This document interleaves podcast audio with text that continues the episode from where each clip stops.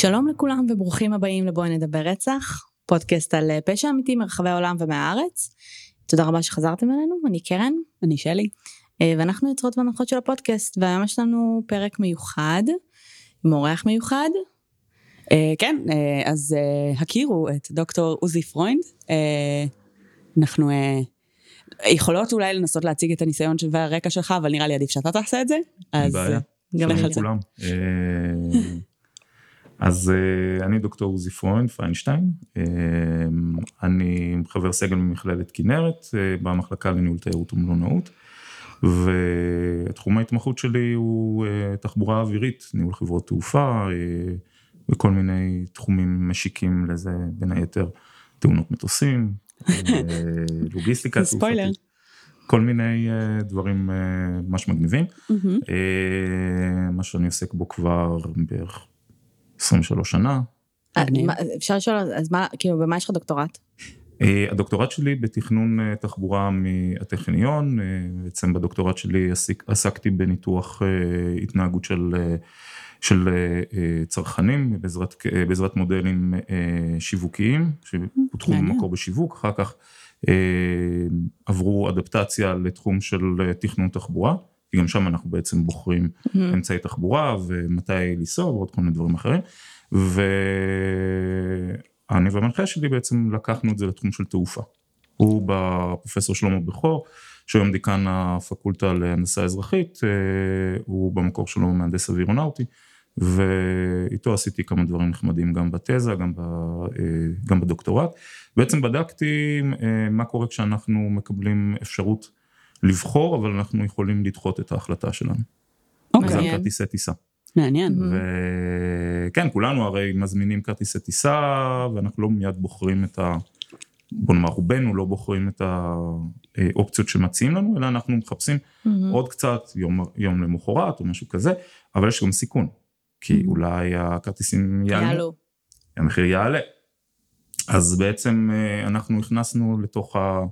לתוך המודלים האלה את הרכיב של הרכיב הדינמי mm-hmm. של אי הוודאות. ובעצם מצא, אחד הדברים המעניינים שמצאנו שם זה שהלקוחות מעריכים את הסיכון שלהם הרבה יותר גבוה ממה שהוא בעצם קורה. זאת אומרת, הם מניחים שהם ישלמו יותר, כאשר בפועל חברות התעופה יודעות בדיוק מה קורה והן יודעות בכמה הן יעלו את המחיר. אז זה היה מאוד מאוד נחמד, זה לקח שש שנים מהחיים, וכמה כנסים בחו"ל, והיה כיף גדול. אה, לאחר הדוקטורט אה, התחלתי לעבוד אה, במכללת כנרת, במחלקה שבה אני עובד היום. אני מתעסק שם בכל הקורסים של כלכלה וקורסים של תחבורה, אני עם איכות שירות. ותוך כדי עשיתי קורס של החוקר הראשי במשרד התחבורה, שעכשיו הוא כבר פרש לפנסיה, קוראים לו, יש שם לשכה, קוראים לו יצחק רז, או בכינוי רזצ'יק, הוא עורך דין, היה נווט אה, בחיל האוויר בתקופת מלחמת יום כיפור, והוא היה אוטוריטה מאוד מאוד אה, אה, גדולה בתחום, ומהיכרות עם אנשים שהם חוקרי תאונות, אז הציעו לי ללכת לקורס שלו. Mm. ומזה קיבלתי את החוברת היפה הזאת, שנקראת מנחה לחקירות אירועים ותאונות, mm. וגיליתי בעצם תחום מרתק שלצערי אני לא יכול לעסוק בו בגלל כל מיני מגבלות אה, חוקיות שדורשות אה, מקצועיות מסוימת שלי אין אותה. אבל אה, זה מושך מאוד לתחום של, של תאונות אוויריות, של חקר שלהם, של גורמים שעומדים מאחורי זה. ואני לא יודע אם אתם מכירים, אבל יש סדרה מאוד מאוד מעניינת של תעופה בחקירה. יצא לכם לראות? אני לא. מכירה? אני שמעתי, מכירה, ואולי נתקלתי מעט, אבל ממש לא הרבה. אז לאשתי יש אה, פריחה מהסדרה הזאת, כי כל פעם שאנחנו בחו"ל אין לנו כבלים בבית, אה, אבל כל פעם שאנחנו בחו"ל ויש אה, טלוויזיה עם כבלים, אני ישר מחפש בנשיונל ג'אוגרפי כתרופה בחקירה. אז היא כבר לא מוכנה לשמוע על זה, אבל, אבל זה, זה מרתק, איך שמציגים את הנושא, הם צריכים להעביר נושאים מאוד מאוד טכניים בצורה יחסית ברורה. Mm-hmm. וכשדוקטור יואל שפרן, קרוב דוקטור, אה, שהוא עמית שלי מהמכללה, mm-hmm. סיפר לי על הפודקאסט שלכם, אז כמובן שישר רצתי להקשיב לכל המוזרים, לכל הדברים החריגים שיש שם, ולאשתי גם כן כבר, יש פריחה גם מזה. אה, ובתור פסיכולוגית, כשסיפרתי לה על המולטיפול פרסונליטיז, אז היא בכלל אה, אמרה לדבר איתי יותר.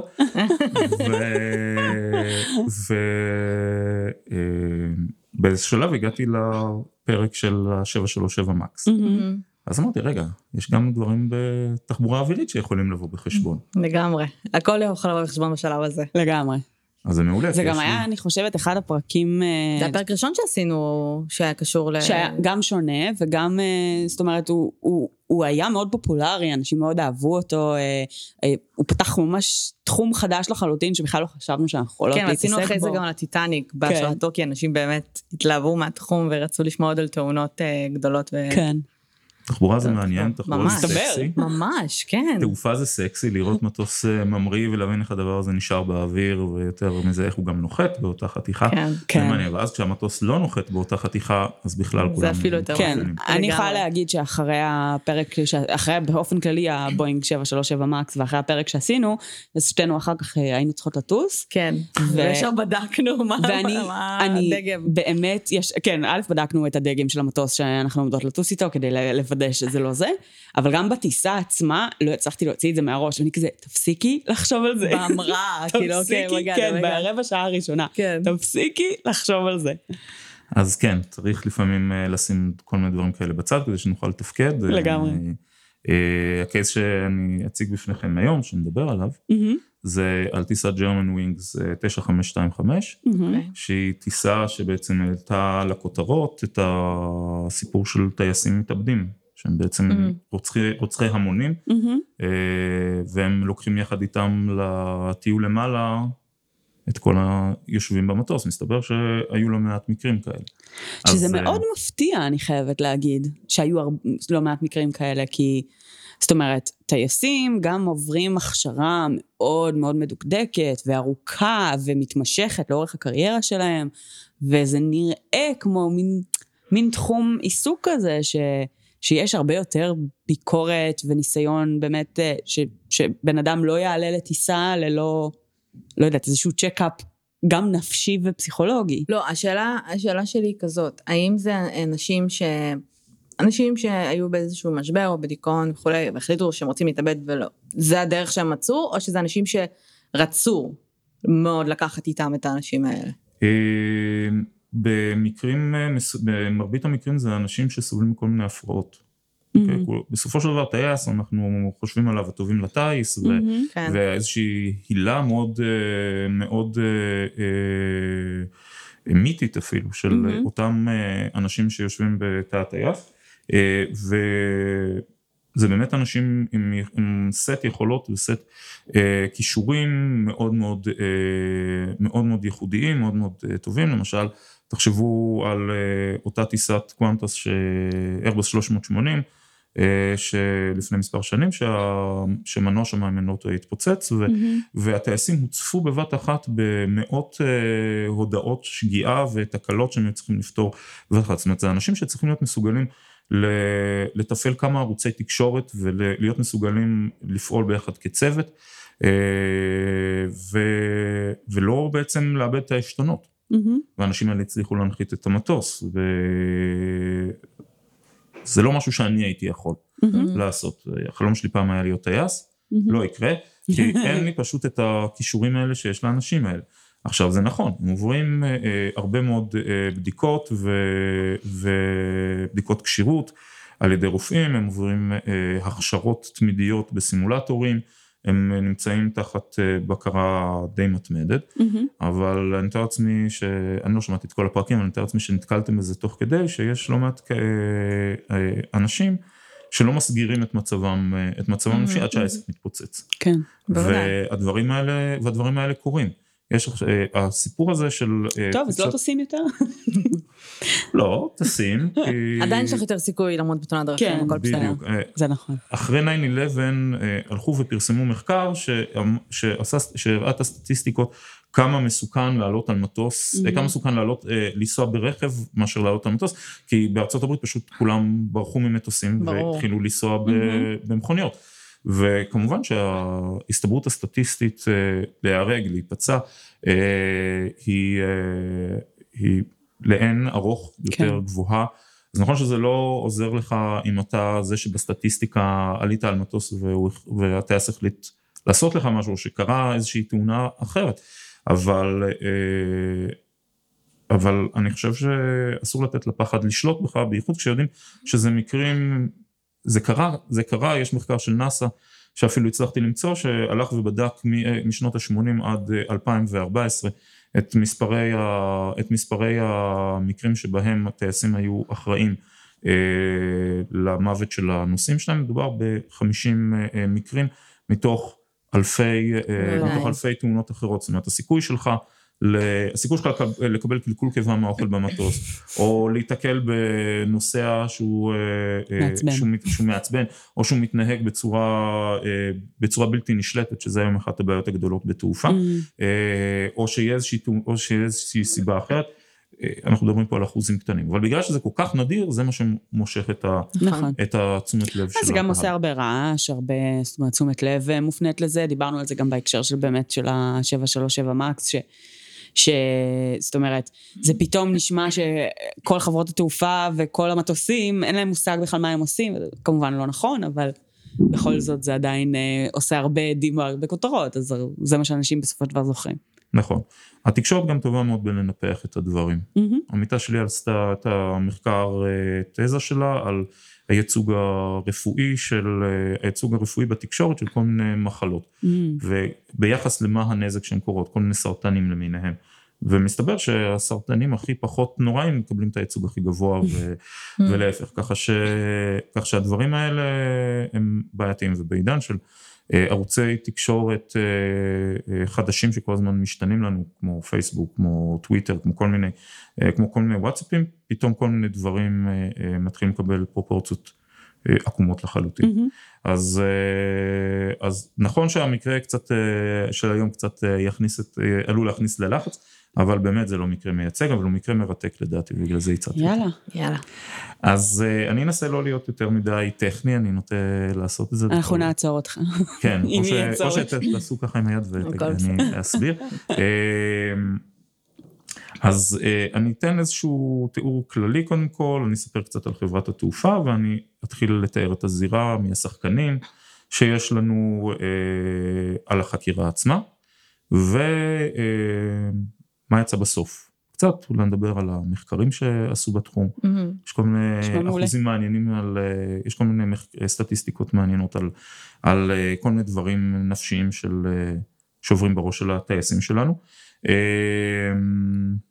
אז נתחיל? יאללה. אז אה, כמו שאמרתי אנחנו מדברים על טיסת Germanwings 9525, טיסה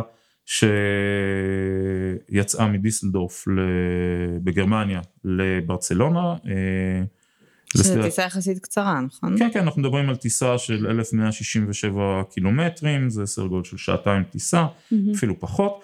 אה, טיסה שהתרחשה ב-24 במרץ 2015, זאת אומרת די חדש. אה, טיסה שהופעלה על ידי חברת Germanwings, חברה, אה, חברת low cost, שהיא בבעלות מלאה של קבוצת לופטנזה.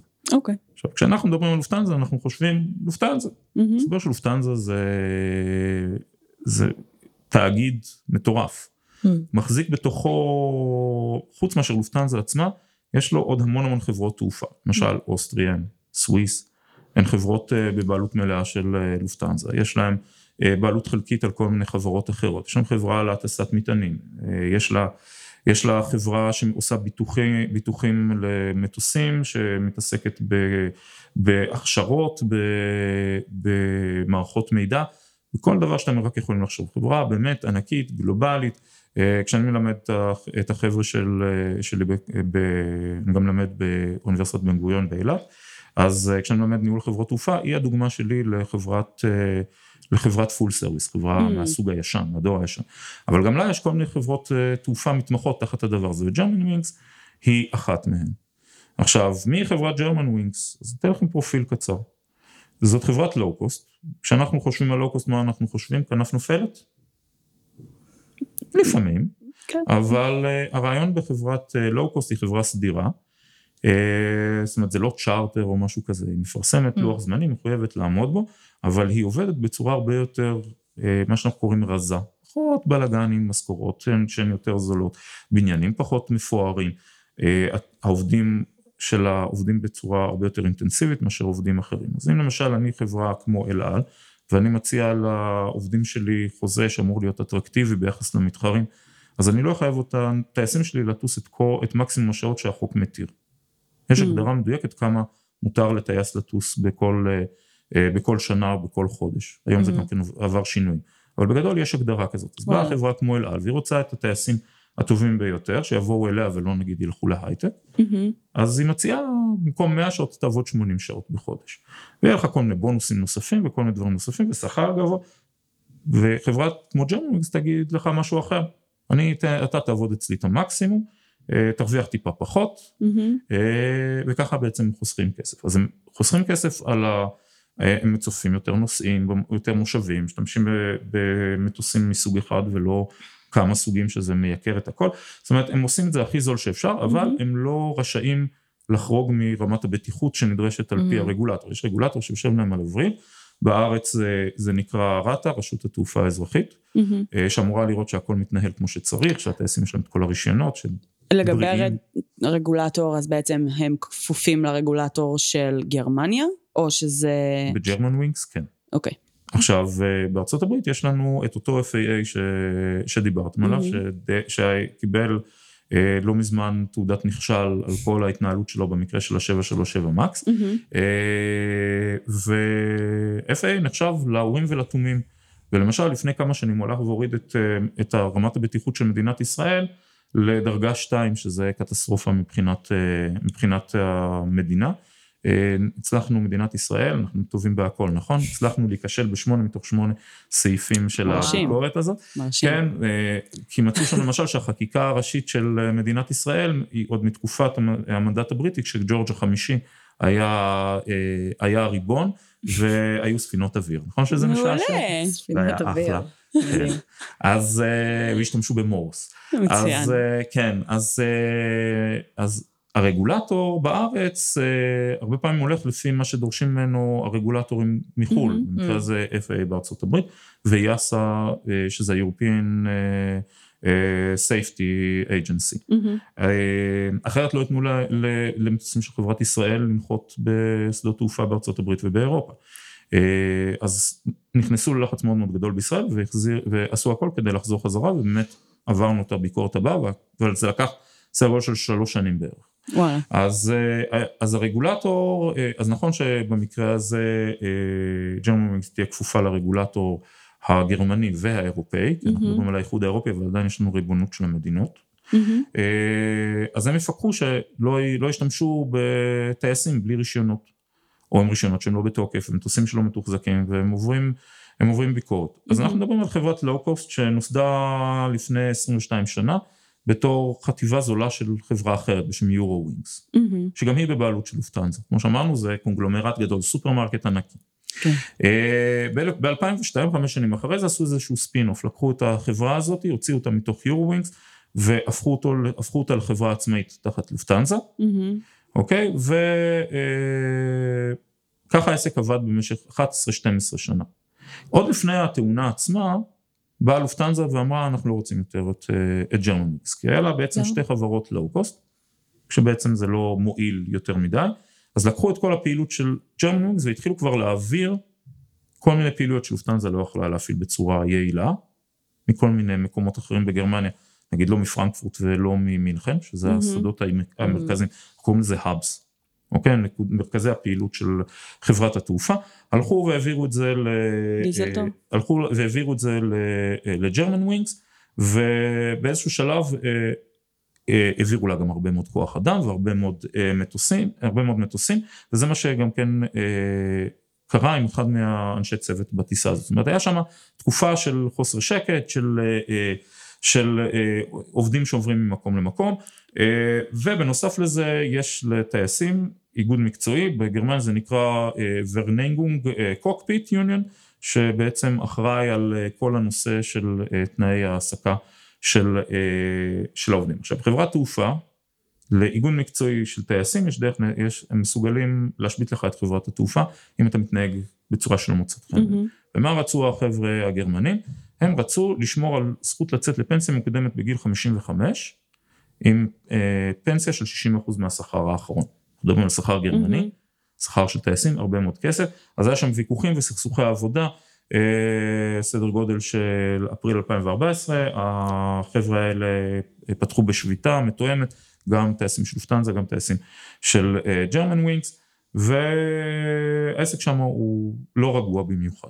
עכשיו, זה לא הוכח כקשור ישירות לתאונה, או יותר נכון לרצח שבוצע שם, אבל uh, זה בטח לא עשה טוב לנוגעים בדבר.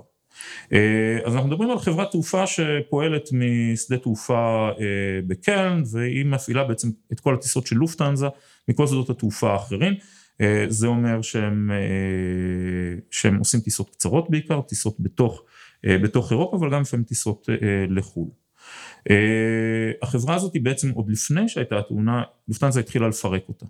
היא התחילה להעלים את ה... היא התחילה להעביר הכל ליורו ווינגס, אז היא העלימה את הערוצי פייסבוק, כל המדיה החברתית, אז הוא פתאום נהפך, בוקר אחד אתה פותח את זה כדי לראות על החברה האהובה עליך, שזה נגיד German uh, wings, פתאום אתה רואה את הלוגו של Eurowings. Mm-hmm. ובאיזשהו שלב uh, הם uh, הורידו את המיתוג, ומטוסים הוצאו לפנסיה, והתחילו להקטין מאוד. אז מ-90 מטוסים שהיו במקור, היום למשל החברה הזאת, שהיא עדיין בפרפורי גסיסה, יש לה רק 26 מטוסים. וואלה. אוקיי? מעט מאוד. כן. מפתיע שהיא עדיין קיימת. זאת אומרת, שהתהליך הזה של הדיזולבינג של החברה הזאת עדיין קורה בעצם. זה נכון, אבל אל תשכחו שזה גרמנים. כל הסיפור שם, מסתבר שבגרמניה יש לנו מרצים, יש תחום שנקרא משפט גרמני. אוקיי? Okay. Okay. כי דיברתי עם איזשהו, איזשהו קולגה שהוא מלמד, זה אומר אנחנו בנינו את זה כדי, בנינו את החוק הגרמני כדי שיוכלו רק להסתדר עם זה עורכי דין גרמנים. זאת אומרת זה מסובך. זה מסובך, זה מורכב, הכל נעשה לפי הספר. אה, רק במרץ 2018 בעצם העיפו את הקוד של החברה, מה שאומר שבאופן באופן טכני החברה כבר לא קיימת. וואלה. בעצם פשטו אותה לגמרי מכל, okay. אוקיי. מכל נכסיה, אבל היא עדיין קיימת ברמה, היא טסה ל-86 יעדים בכל מיני מקומות בעולם. זאת אומרת, הקיום זה... שלה כרגע הוא סוג של סמנטי. כן, לחלוטין. עכשיו, מבחינת הרקורד הבטיחות של חברת התעופה, הרקורד הבטיחות שלה הוא מצוין. זאת אומרת, היא נוסדה ב-1997, התאונה היחידה שהייתה להם של אה, בכלל ושל אה, מוות של אנשים, הייתה התאונה ש, שאנדריאס לוביץ', הטייס שלנו, mm-hmm. אה, אה, גרם. נו, הסטטיסטיקה אה, הייתה לרעתם. למה? כי היה להם good streak. אז זה אומר שחייב לקרות uh, סטטיסטי. וזה גם לא תאונה, זה לא בעיה של המטוסים. נכון, לא נכון. אבל נכון. אנחנו סופרים הכל. כשיש אחת הבעיות היום בתעופה זה מצב של חדירת אה, כלי רכב או מטוסים למקום שהם לא אמורים להיות. Mm-hmm. אז אה, מטוסים לפעמים מתנגשים פתאום באיזה רכב פינוי אשפה שנכנס אה, בטעות למסלול. וואו. אז גם זה נספר. Mm-hmm. אוקיי? טייס, טייס למשל, חברה בשם סיביר איירליינס שטסה מישראל לנובוסיבירסק, mm-hmm. חברה שלי יצאה לעבוד איתה. אה, טסה מעל הים השחור ונקלעה לאימון, אה, בנשק חי של צבא אוקראינה. מעולה. הם שיגרו, הם שיגרו אה, טיל נגד מטוסים שהתביית על המטוס והוריד אותו. זה אימון, הם משגרים טילים נגד מטוסים באימון? מסתבר שכן. לשמיים? הם עשו הרבה, זה לא היה, לא היה תקין כל מה שקרה שם. כן, זה נשמע כן, צריך לדעת לפעמים לאמן את, את כוחות ההגנה האווירית שלך. כן, אבל תוודא שכאילו... שהשמיים נקיים. אז כן, היו שם הרבה מאוד בעיות. וואו, אוקיי. טוב, זה נשמע, כן, זה נשמע כמו קייס שלהם אה, בפני עצמו. כן. נכון. Uh, למשל, uh, הלכתי ובדקתי ב, uh, באתר בטיחות uh, uh, של אייאטה, ארגון התעופה הבינלאומי של חברות תעופה, uh, והם מפעילים תוכנית שנקראת איוסה, שזה uh, בעצם ללכת ולבדוק את רמת הבטיחות שלך. אוקיי. Okay. אז החברה הזאת, אז לפי הרשומות, החברה הזאת כל הזמן עם אישור בטיחות תקין לחלוטין, mm-hmm. האישור הנוכחי mm-hmm. שלה הולך לפוג למשל ב-20 באפריל 2020. זאת אומרת, אה, חברה שהיא בסדר גמור, הבעיה שלה הייתה שבמקרה הזה היה לה טייס מאוד בעייתי. סורר. סורר לחלוטין. אה, בוא נדבר קצת על המטוס. Mm-hmm. אז יש לנו מטוס בש... מדגם איירבס 320-200, mm-hmm. שזה המתחרה של בואינג, mm-hmm. יש לה בואינג 737, הם מטוסים נמכרים ביותר, אנחנו מדברים על אלפי מטוסים שנמכרו עד היום. זה מטוס שטס לראשונה על ידי איירבס ב-1987. איירבס היא בכלל בעצמה חברה יחסית צעירה, היא חברה שהוקמה ב-1970. אחרי שכל היצרניות מטוסים האירופאיות, אם זה יצרניות הגרמניות וההולנדיות והספרדיות והבריטיות, הם הבינו שהן לא צריכות להילחם בבואינג ומקדונלד דגלס שהיו, שבאיזשהו, שכבר לא קיימת היום, שבואינג קנו אותם. Mm-hmm. והם החליטו להתאחד, וב-1970 הם הלכו ו... סליחה, 1973, אם אני לא טועה, הם הלכו והוציאו את המטוס הראשון שלהם. אה, שדרך אגב כיכב בחטיפת המטוס לאנטבה. זה היה המטוס שהופעל על ידי אר פרנס בקו מתל אביב. אה, ובאיזשהו שלב הם התחילו לייצר, לתכנן את, את המטוס, אם, אם קודם הם ייצרו מטוס לטווחים בינוניים בתצורה כמו של, של ג'מבו, הרבה מאוד מושבים, mm-hmm. עם, שני, עם שני מעברים, טווין אייל, אה, מטוס רחב גוף, mm-hmm. הם החליטו באיזשהו שלב שהגיע הזמן לפתח מטוס צר גוף, mm-hmm. הלכו ופיתחו את, את משפחת המטוסי איירבס 320. שזה בדיוק מה שהפעיל את הלחץ על בואינג וגרם ל-737 מקס. אה. נכון. כן. Uh, האמת שהם היו יוצאים מזה בסדר אם הם לא היו עושים כל כך הרבה שטויות עם כל, עם כל שרשרת האספקה שלהם, עם ה... עם המיקור אה, חוץ שהם עשו. Mm-hmm. כמו שכתבתי לכם, המיקור חוץ של המערכת הזאת הייתה בין היתר למתכנתים הודים. Mm-hmm. אין לי בעיה עם מתכנתים הודים, אבל כשאין להם ניסיון בכלל במערכות אוויריות, פה כבר העסק מתחיל להסתבר. זה בעיה, כן. אה, אז ארבס 320 היה הגרסה הראשונה, best seller מטורף, מטוס חדשני. בואו נתחיל מזה שזה מטוס שהיה הראשון שהשתמשו בו במערכת אה, ניהוג אה, חדשנית שנקראת טוס על חוט או fly by wire, שבעצם אין לנו אה, מערכת הידראולית או כבלים שנמשכים מתא הטייס ועד לזנב, אלא יש לנו מערכת חשמלית שמעבירה דרך המחשב את ההוראות של הטייס לבקרים שנמצאים, שנמצאים בזנב או בכנפיים. חוסך הרבה מאוד משקל, הרבה יותר מדויק. אה, למשל המטוס הזה מפעילים אותו בעזרת סטיק צד, אין סטיק באמצע כמו במטוסים וואלה. מסורתיים, כן. Okay. אוקיי. אז אם אתה ימני ואתה יושב בצד של, ה... של הקפטן, שתמיד יושב בצד שמאל, אתה צריך ללמוד להטיס בצד שמאל. Mm-hmm. אם אתה שמאלי ויושב בצד ימין, אתה בבעיה, אבל מסתדרים עם זה.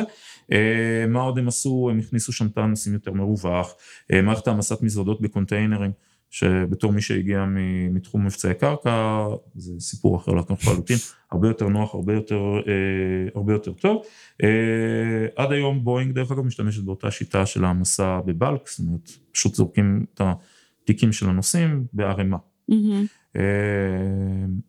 אבל זה, זה הסגנון, אחרי 4320 פתחו עוד הרבה מאוד דגמים אחרים, דגמים מוערכים יותר, דגמים מקוצרים יותר, שבעצם מה עושים? הולכים ומוסיפים עוד חתיכות לגוף של המטוס, קוראים לזה פלאגים, עוד mm-hmm. מקטעים למטוס, אה, ושומרים על מרכז הכובד באותו מקום. אז בעצם זה מצוין לחברות התעופה. אני חברת תעופה, אני יכול בעצם לקנות מטוס שהוא בעצם מטוס אחד, רק באורחים טיפה שונים. Mm-hmm. אני לא צריך להכשיר את הטייסים שלי ביותר מאשר יום אחד כדי שיעברו ממטוס למטוס. מעולה, מעולה. אה, זה מטוס שטס ב-1987, אה, אה, בא אחר כך לאייר פרנס ב-1988, שהיא הייתה הלקוחה הראשונה, והמטוס שלנו, המטוס הספציפי הזה, נכנס לשירות של לופטנזה ב-1991. Okay. אנחנו אוקיי. מדברים על מטוס די ותיק, מטוס בן 24 שנה במועד התאונה, זה מטוס ה-147 שיוצר מהמשפחה הזאת. אוקיי? זה מטוס שעבר 24 שנה, באיזה שלב, כשהוא עבר מלופטנזה לג'רמן ווינגס, זאת אומרת, הם העבירו מטוסים מאחד לשני, שזה מקובל מאוד. אה, קראו לו באיזה שלב על שם עיר בגרמניה, מנהיים, שזה מסורת בלופטנזה, כמו למשל אל על עושה ראשון לציין וירושלים, אז זה מאוד מאוד כן. מקובל. אה, קיבל מספר זנב די אה, אייפקס, שזה כמו לוחית הרישוי של המכונית שלנו. והוא עבר במהלך החיים שלו 58 אלף אה, שעות טיסה ו-47, כמעט 47 אלף מחזורי המראות ונחיתות. זאת אומרת טיסות מאוד מאוד קצרות בסך הכל. Mm. אוקיי, okay, באותו יום למרות שהיה שם מקום ל-174 אה, נוסעים, טיסת לואו קוסט, אז אפשר לצופף הרבה. מהמם. אה, היו לנו שם רק 144 נוסעים ועוד שישה אנשי צוות. מבחינת האזרחויות היו לנו שם בעיקר גרמנים וספרדים, כי זה מאוד מאוד הגיוני, אתה טס כן. מגרמניה לספרד, אה, משהו כמו 123 נוסעים כאלה, מתוך מהמם. ה-144. אה, השאר היו שש, בעלי אזרחויות של 16 מדינות, כולל ישראלי אחד ושני איראנים, וואלה. שזה נשמע כמו התחלה של בדיחה, אבל, לגמרי. אה, אבל לא בדיוק. היו שם נוסעים צעירים, זקנים, היו שם זמרי אופרה, נוסעים שחזרו מ-exchange student כזה. זאת אומרת, אה, אנחנו מדברים על אה, קהל מאוד מאוד... אה, קהל של טיסה. קהל של טיסה, כן, כן, סטנדרטי. אה, מי היה לנו, מי בעצם הפעיל את המטוס, אז היה לנו שישה בני אדם שמפעילים את המטוס, שבעצם מתחלקים לשתי קבוצות. יש לנו את צוות הקוקפיט, את הטייסים וצוות הקבינה. במ- במטוס כזה יש לנו קברניט וקצין ראשון, כאשר הקברניט הוא בדרך כלל בעל הוותק הגדול יותר, למרות שזה לא מחויב המציאות. למשל, אם אני במשך 20 ומשהו שנה אה, הייתי טייס אה, של ג'מבו לניו יורק, וצברתי המון המון שעות טיסה, אבל Mhm. באיזשהו שלב יש לי סיבות משפחתיות ואני רוצה להתחיל לטוס אה, בטיסות שאני חוזר עוד באותו יום הביתה. מהמם. אוקיי? נגיד הבן שלי קווין, כן, בוא נדבר על קווין, אנחנו מגלים שיש לו בעיות ואני צריך להיות באזור. אז, אה, אז אני עובר חזרה ואני מקבל בהתחלה תפקיד של קצין ראשון, בשלב, בתפק, בתהליך ההכשרה שלי, אה, אבל בגדול הקברניט הוא בדרך כלל הוותיק. קברניט וקצין ראשון זה בעצם כמו טייס אה, ראשי וטייס. משנה. כן, טייס כן, משנה. זה מה? שנקרא טייס מפקד, זה ה-PIC, Pilot in Command, שהוא בעצם אה, אחראי על. כל הפעילות במטוס. והטייס משנה, מה בעצם, אני רגע מנסה להבין כאילו באופן כללי. מה אתה, חוץ מהעובדה שחלילה קורה משהו לטייס והוא מתעלף וזה, הרי אתה לא צריך שני אנשים כדי להטיס מטוס. מה, מה, או שכן. מה התפקיד שלו? אתה צריך מסיבות של בטיחות, מסיבות של עומס אה, עבודה. הבנתי, שמישהו כי- יכול לישון. אה, כי תהליך ההמראה והנחיתה הוא תהליך אה, הרבה פעמים אה, עמוס, הוא Mm. תהליך מתיש. למשל אם אתה נוחת בהית'רו בשעה, מוקדמת בבוקר, אתה יכול להיות תקוע במשך חצי שעה, שעה, במעגלי המתנה עד שיגיע התור Mhm. שלך, אתה נגיד 30, מקום 30 לנחיתה. דבר שני, זה נורא משעמם להיות ב- בתא הטייס לבד. אז, ואתה לא רוצה שהטייס שלך יירדם. כן, ברור. נכון, דרך אגב, יש לא מעט מקרים שהטייסים נרדמים. אימא'לה. אבל הם לא מגלים את זה, אז, כן. אז, אז לא יודעים באמת את כל ה, את, ה- את ההיקף של זה. אז ה pilot in command, אותו קברניט, הוא הרבה פעמים לא זה שיטיס את המטוס, הוא זה שיפקח על הדברים, הוא יטפל בצ'קליסטים, ב... יוודא שהכל מתנהל כמו שצריך, ואם יש בעיות במטוס, הוא זה שצריך לקבל את ההחלטות. למשל, אם יש לנו unruly passenger, טייס, אה, לא טייס, נוסע ששתה יותר מדי מתחיל להתפרע. אז הקברניט יכול לבוא ולצעוק עליו ולהרגיע אותו. או לקבוע מה יעשו, להחליט האם יעשו נחיתת, אה, נחיתה חירום. אה, לא מתוכננת בדרך, שתגרום להרבה מאוד בעיות לחברת התעופה והרבה מאוד כסף של אה, הפסד, זה מאות אלפי דולרים יכול להיות הנחיתה הלא מתוכננת הזאת, אז הוא מקבל את ההחלטות. אה, הקצין הראשון הוא יכול להיות טרי עכשיו מהקורס הכשרה, והוא יכול להיות גם כן עם, עם יותר ניסיון. במקרה של הטייס המשנה שלנו, היה לו מעט, מעט יחסית של שעות, אבל זה לא דבר שהוא יוצא דופן, כי הקברניט שלנו אה, הוא עם הרבה יותר אה, ניסיון. במקרה הזה היה לנו את ה pilot in command, הקברניט היה פטריק סונדנהיימר, בן 34, אה, טייס שיש לו רקורד של 10 שנות אה, ניסיון בטיסה מסחרית, אה, צבר 6,000 שעות טיסה, כאשר את מרביתן הוא עשה באיירבס 320. Mm-hmm. משהו כמו 3,800 שעות, רק על האיירבס 320. זאת אומרת, הוא מאוד מאוד אה, מנוסה. אה, הוא עבד עבור כמה חברות גרמניות, ולפני זה אה, הוא עבד בשביל לופטנזה, הוא עבד בשביל קונדור, שהיא חברת אה, צ'ארטר גרמנית. והוא עבר, כדי להתמנות לקפטן, הוא עבר מלופטנזה. במסגרת כל השינויים שדיברנו עליהם קודם. מהטייס המשנה שלנו, אנדריאס גונטר לוביץ, בן 27, שאנחנו תכף נדבר על המקרה המעניין שלו. צוות הדיילים כולל ארבעה אנשי צוות, שאחד מהם הוא מנהל השירות בטיסה. אוקיי. אוקיי? הוא אחראי על השירות והבטיחות. אז בניגוד למה שהרבה מה, מהאנשים חושבים, הדיילים הם לא מלצרים מעופפים. הם נועדו לאפשר במקרה חירום לפינוי של כל המטוס ב-90 שניות. Mm. זה דבר לא פשוט. מהמם. אה, לתפעל את ציוד הבטיחות במטוס, אה, לפעמים לעשות החייאה. דרך אגב, אחת מהדרישות מדיילים זה להיות, להיות אה, בעל ידע בשחייה. מהמם. כי אם אתה Mhm. נוחת בים, בוודאי. אתה צריך לדעת איך לשחות. אה, אז בעיקרון הוראות הבטיחות קובעות שעל כל 50 מושבים במטוס צריך להיות איש צוות אחד וצריך להיות איש צוות אחד ליד כל אחת מהדלתות. בגלל שזו טיסת לואו-קוסט אז הסתפקו רק בארבעה אנשי צוות וזה היה הצוות שלנו, שישה אנשים. Mm-hmm. פה אנחנו קצת נדבר אולי על אנדריאס גונטר לוביץ'. Mm-hmm. אז הוא יליד 1987, הוא לקח את חייו ואת חיי הנושאים האחרים כשהוא היה בן 24. רגע, זה הקצין משנה אנדריאס. כן. כן. אוקיי. תכף אנחנו נבין גם כן איך הוא הצליח לעשות אוקיי. את הדבר הזה.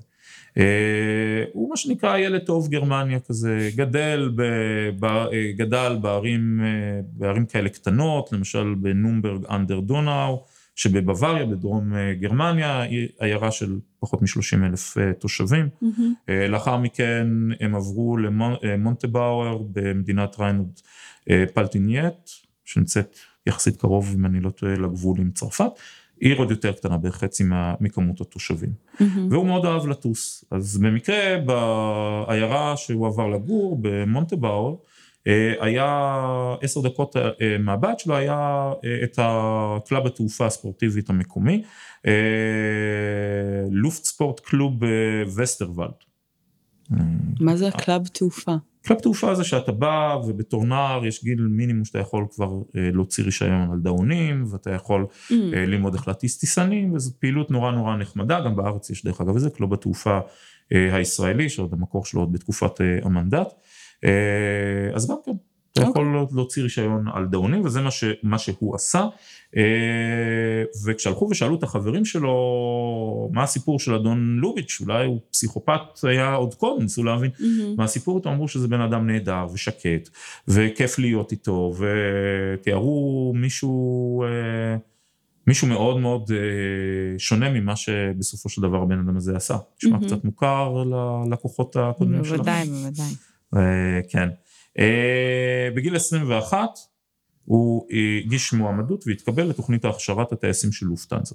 עכשיו חברות תעופה גדולות מכשירות את, את, את הטייסים שלהן בעצמן, הן לוקחות אנשים עם ניסיון מינימלי בשעות טיסה או בלי ניסיון בכלל, ובעצם אה, בונות להם את, ה, את הרישיונות, תכף נדבר mm-hmm. קצת מה זה הרישיונות האלה, עד לשלב שהן יכולות, עד לשלב שהן יכולות ל, ל, להעסיק אותם אותם בתור טייסים בדרגה הנמוכה ביותר, שזה מה שלוביץ' הזה mm-hmm. עשה. אה, אה, זה לוקח כל כך מעט זמן? לא, זה, זה יחסית הרבה זמן, תכף נראה מה, מה עבר אדון לוביץ', אה, למעט השלב שבו הוא עצר את ההכשרה שלו.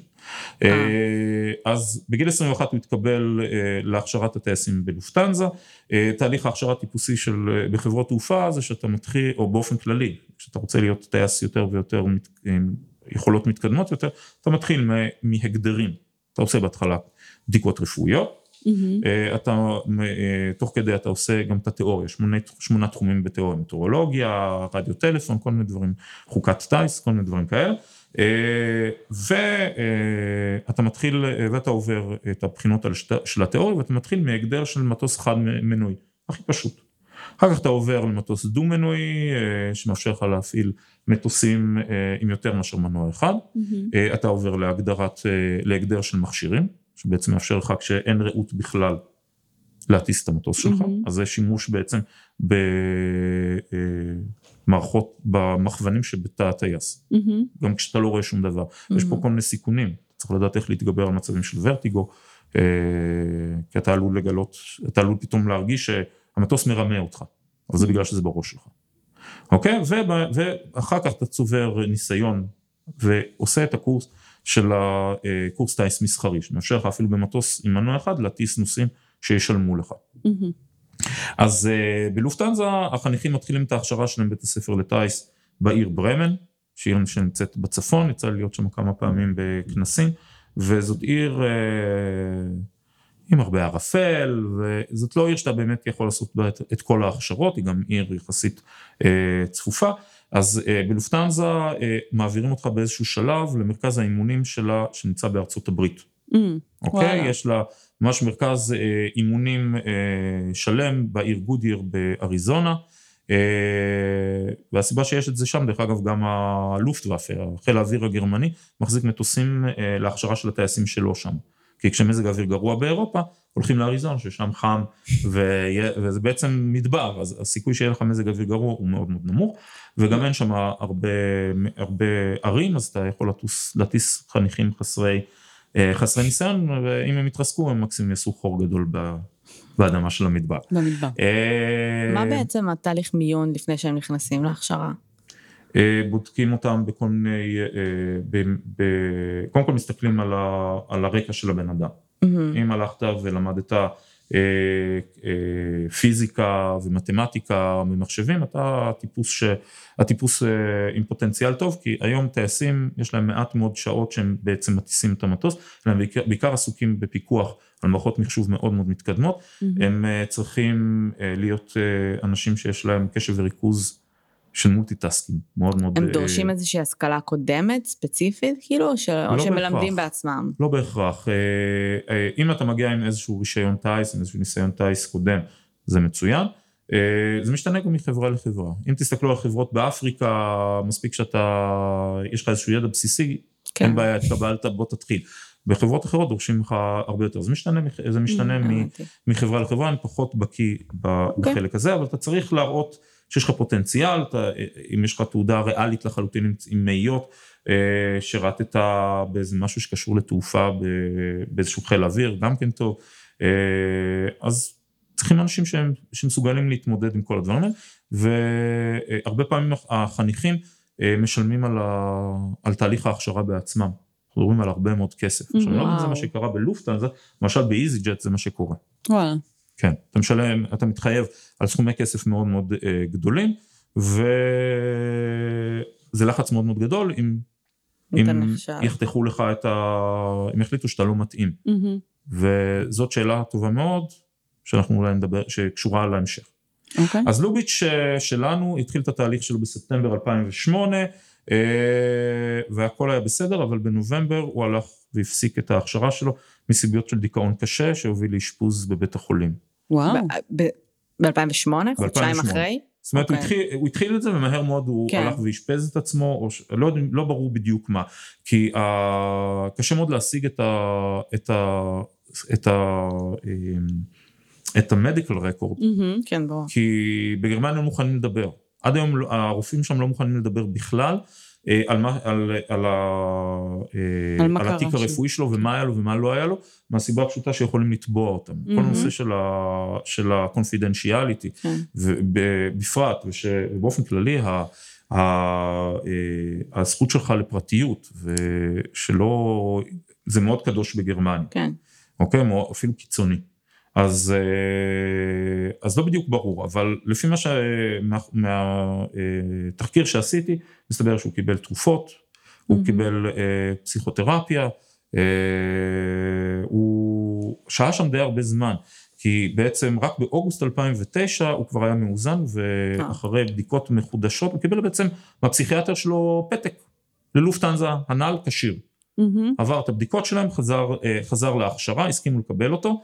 אה, בנובמבר אה, 2010 הוא עבר לת- לתהליך ההכשרה שלו בארצות הברית, אה, ואחרי שהוא עבר את ההכשרה שלו הוא צריך להתחיל לצבור שעות. אתה, לא, אתה צריך שיהיה לך מינימום של שעות מסוים כדי שתוכל אה, להיות אפילו בדרגה של, אה, של, אה, טייס, של קצין ראשון, של טייס משנה. אה, אז הוא עבד מ-2011 עד, מיוני 2011 עד דצמבר 2013, יש לכם רעיון במה? עבד בתור דייל בלופטנזה, זאת אומרת הוא צבר שם, הוא צבר אה, אתה כסף, יכול לצבור שעות גם, כאילו, אני לא יודע בדיוק איפה הוא צבר את השעות טיסה, אבל הוא מימן את זה בעבודה זאת אומרת, אה, אמרו לו אתה. בסדר, אתה אחלה, אה, כן. בוא, בוא, תעבוד, אה, בוא תעבוד בתור דייל כדי לממן את הדברים האלה. יש לי, יש לי קולגה ש... שטייסים, שטייסים שהיו צריכים לממן את זה עבדו בתור מעמיסי מזוודות ובתור פקחי רחבה. זה הכי הגיוני. כאילו, גם כן, לעבוד שם. כן. כן, אתה עובד בתחום, אתה בכל זאת עדיין צובר קצת ידע וניסיון נכון. מדברים מסביב, נכון. ועל הדרך אתה פשוט אה, מסיים את ההכשרה שלך. בעיניי זה מעולה שהוא עבד בתור דייל, כי מהמם. טייסים לא תמיד מבינים מה קורה לנושאים שלהם מאחורה, איזה מהמם. דברים יכולים לקרות, וזה לא רע בכלל שאתה יודע נכון. איך לתת את השירות ללקוחות שלך. אה, אז הוא צבר את, ה, את, ה, אה, את שעות הטיסה שלו, וביוני 2014 התחיל לעבוד בתור קצין ראשון. אנחנו מדברים כבר תשע חודשים לפני ההתאבדות והרצח. זאת אומרת, תשעה חודשים לפני האירוע, הוא רק התחיל לעבוד כקצין ראשון? בדיוק. בסדר. וואו. 24, הוא סופר צעיר, כאילו... אה, בגלל זה אני אומרת, הוא התחיל את הלימודים בגיל 21. מהמם. זה כאילו אחרי שלוש שנים הוא כבר כאילו היה טייס. בדיוק. תראי, אל תשכחי בתכלס שזה בארץ זה. לא שונה בהמון. כן, במקרה שלו זה התארך בגלל שתשעה חודשים בערך הוא היה באשפוז. נכון. זאת אומרת שזה אפילו היה יכול להיות פחות. כן, נכון, אנחנו יודעים אם זה אשפוז ראשון שלו? או שאי הם לא אפשר לדעת? מספרים. לפחות ו- אני לא מצאתי איזשהו אישוש לדבר הזה, אני מניחה אה, שגם המשפחה שלו לא מדברת. אף אחד לא מדבר. אף אחד לא מדבר. אנחנו, בסדר, גרמניה. כשנתקדם אנחנו אה. אנחנו נדבר על זה. אז אדון אה, אנדריאס לוביץ' והקצין ראשון, והקברניט שלנו, אה, הולכים, אה, עולים על הטיסה שלהם, מ, עולים על הטיסה מ... גרמניה. מ סליחה, מספרד. בחזרה. לגרמניה. אוקיי. זה אחרי שכמובן. הם טסו לשם. זאת אומרת. זה לא הטיסה הראשונה של לוביץ' באותו יום. אה, אז הם המריאו משדה התעופה אה, אל פרט, שדה התעופה המרכזי של ברצלונה, שדה עמוס, שדה גדול, אה, והטיסה אה, המריאה בעשר ודקה בבוקר, אחרי שהיא הייתה ב-25 דקות איחור. וואלה. אוקיי? והתכנון היה לנחות ב-11.39, מאחר וזה לא טיסה בשעות שיש ביקושים מאוד מאוד אה, גדולים, בדרך כלל הטיסות עם הביקושים הגדולים הם מוקדם בבוקר, כי אז אנשי עסקים אה, צריכים, אה, צריכים לטוס, אז היה לנו מטוס שהוא היה בערך 80 אחוז מלא, 82 אחוז מהמם. מלא. אה, המטוס היה צריך אה, לטוס מעל הים התיכון, אה, להיכנס לתחום של, אה, של צרפת, מעל להרי האלפים, אה, לעבור את צרפת ולנחות בעצם בדיסלדורף. אה, והטיסה התנהלה כרגיל, הכל היה בסדר. אה, 26 דקות אחרי שהמטוס אה, אה, המריא, הוא הגיע לגובה השיוט שלו. זה השלב שאתה עובר למצב של פיקוח מלא, זאת אומרת, אתה מפעיל את הטייס האוטומטי, מטוס בגובה של 12 קילומטר, 38 אלף רגל, וכל מה שאתה צריך לנהל זה את התקשורת עם הבקרה. עכשיו זה כמו העברת מקל, כמו Mhm. במרוץ שליחים, אתה עובר מיחידת בקרה אחת לשנייה, אה, בשלב הזה הם כבר עברו מהבקרה של ספרד לבקרה באזור מרסיי, בצרפת שמטפלת בכל, אה, בכל הדברים. עכשיו מה לעשות, אה, בעשר וחצי ו-24 שניות, קברניט הרגיש שהשלפוחית לוחצת. לא הספיק ללכת לשירותים בשדה התעופה בברצלונה, כנראה היה להם זמן אה, קצר מדי אה, על הקרקע, אה, והוא אמר אני רוצה לצאת לשירותים, ולוביץ' אמר לו תשמע אנחנו גם ככה עכשיו עוברים, הולכים, להיות מעל האלפים הצרפתים, אה, אין לנו תקשורת, אין לנו יותר מדי אה, תקשורת, אין לנו יותר מדי מה לעשות, זה הזמן. אה, אז הם עשו את ההכנות לנחיתה, את הצ'קליסט של הנחיתה. אה, ואז הוא יצא מה- אה, מהתא, אוקיי? תוך 35 אה, שניות, לוביץ' התחיל לכוון את הטייס האוטומטי להנפיך את המטוס לגובה של 30 מטר, איזה הזיה. לגמרי. זאת אומרת, הוא הלך וכיוון את הטייס האוטומטי שינמיך את המטוס בצורה מבוקרת לגובה של 30 מטר, וזה מעל האלפים הצרפתים. מהמם. זאת אומרת, מלכתחילה הם פחות, מש- הם יותר מ-30 הם יותר מ-30 מטר, אוקיי? אה, שנייה, זה לקח 35 שניות מהרגע ש... ברגע שאתה... בשנייה אה, שהוא יצא הוא עשה בשנייה את שהוא זה. יצא, כן. נסגרה לא היה שם הדלת. היסוס כאילו. לא היה היסוס, לא. אבל זאת אומרת, יש לך קברניט, והוא מאוד מנוסה, והוא צבר הרבה שעות טיסה, והוא עבד עם הרבה מאוד אה, טייסים משני אחרים. הוא הרגיש ביטחון מלא ללכת לשירותים, נכון. בשלב הזה לא היה ספק ב... כי אתה לא אמור לעשות כלום. אתה פשוט יושב שם ומחכה, ומ- וכאילו המטוס, אתה לא אמור לעשות כלום, הוא... לא, לא, אבל אני גם אומרת, זאת אומרת שהוא לא ראה שום סימן מקדים למשהו שעלול לקרות, הכל היה נראה על זה מי גם מנוחות, קטע, כי זה לא הכל נשמע תקין. כאילו עשה משהו כדי להוציא אותו, ואם לא היה לו פיפי עכשיו שעתיים. בדיוק. אם, אם הוא לא היה הולך אבל לשירותים. מצד שני זה נראה מאוד מתוכנן, כי בשנייה שהוא יצא הוא כאילו... כן. לא שהוא חשב על זה ואמר, טוב בוא, בוא נתאבד היום. כן. אז הוא הלך וכיוון את המטוס אה, לגובה של 30 מטר, כשהוא מעל האלפים הצרפתיים. אימא'לה. ובמסגרת הנה- הנהלים ש, אה, שנוצרו אחרי 9-11, Mm-hmm. הוא נועל את, את דלת הטייס. עכשיו הוא לבד בקוקפיט, אין אף אחד חוץ ממנו, טוב. הקברניט מתפנה, אה, והטיסה מתנהלת אה, כמו שצריך. עכשיו, בגלל שהוא כיוון את הטייס האוטומטי, ההערכה שלי שהוא פשוט, וגם ראיתי את הגרפים, אז הוא פשוט, הם נכנסו להנמכה שהיא לא הנמכה אלימה. זאת אומרת, זה לא מישהו שפשוט בבת הדרגתית. אחת מוריד את, ה, את הסטיק למטה והמטוס נכנס ל-90 מעלות. לא, ירידה שהיא, שהיא מכוונת, זה מין, אה, מין גלישה כזאתי. אה, ובגלל 9-11 צריך לנעול את הדלת של התת-טייס, אסור ל- ל- לאפשר לאף אחד להיכנס פנימה. אבל מה שעוד הוא בכל עושה, זמן נתון? מה זה? בכל זמן נתון בטיסה? בכל זמן נתון, אסור. רק, ל, רק לפרסונל מותר להיכנס, זאת אומרת רק לצוות קבינה או לטייס אחר. אה, אז אתה לטייס- נועל, ואז בעצם מי שרוצה להיכנס צריך לדפוק ואתה צריך לפתוח לו? בדיוק, יש לך כן. מפסק קטן ב, ב, מהמם. אה, בלוח, בפאנל, אחד. מכל המפסקים, יש לך, אה, יש לך שם מפסק ואתה מעביר את זה למצב אה, נעול. אה, עכשיו יש שני, שני דרכים לאפשר כניסה, או דרך המפסק הזה, או דרך טאצ'פד כזה, קיפד כזה שנמצא בצד, שאם משום מה נגיד התעלפת, מהמם. קורה. אה, אה, לפני, לפני די הרבה שנים אה, היה את המקרה של חברת הליוס, שהטייסים, שהייתה תקלה טכנית במטוס, טיסה מקפריסין לאתונה, הייתה תקלה טכנית במטוס שגרמה לחוסר דיחוס במטוס. זאת אומרת אוקיי. ש- שאין חמצן. אוקיי. בתוך, אה, ובגבהים האלה, תוך 10 עד 15 שניות הטייסים מתעלפים. אוקיי? והם לא ידעו במה מדובר, הם התעלפו. זה רק בתא הטייס לא, או בכל המטוס? בכל המטוס. כל המטוס כולם אבל. רק הט- רק הטייסים מתעלפים? כולם מתעלפים. כולם מתעלפים. כולם התעלפו, מאולפים. נהדר. אבל טייסים, אבל לטייסים יש גם, גם מסכות חמצן שלהם למצבים כאלה. במקרה הזה הם לא זיהו ש, שזה מה שקורה. Mhm. כנראה שתהליך הבריחה של הדיחוס אה, הייתה מאוד מאוד איטית. Mm. אה, לא הייתה מקרה, לא הייתה בבת אחת, כמו שנגיד עושים חור במטוס ופתאום רואים בכל הסרטים פתאום אבק וכל, ורעש אה, ורוח וכל מיני דברים כאלה. כמובן שזה היה מאוד מאוד איטי, הם התעלפו ופשוט המטוס אה, התרסק בסוף מחוסר דלק. מהמם. אז. אה, אז במקרה שלנו... אז, אז יש. אפשרות לפתוח מבחוץ.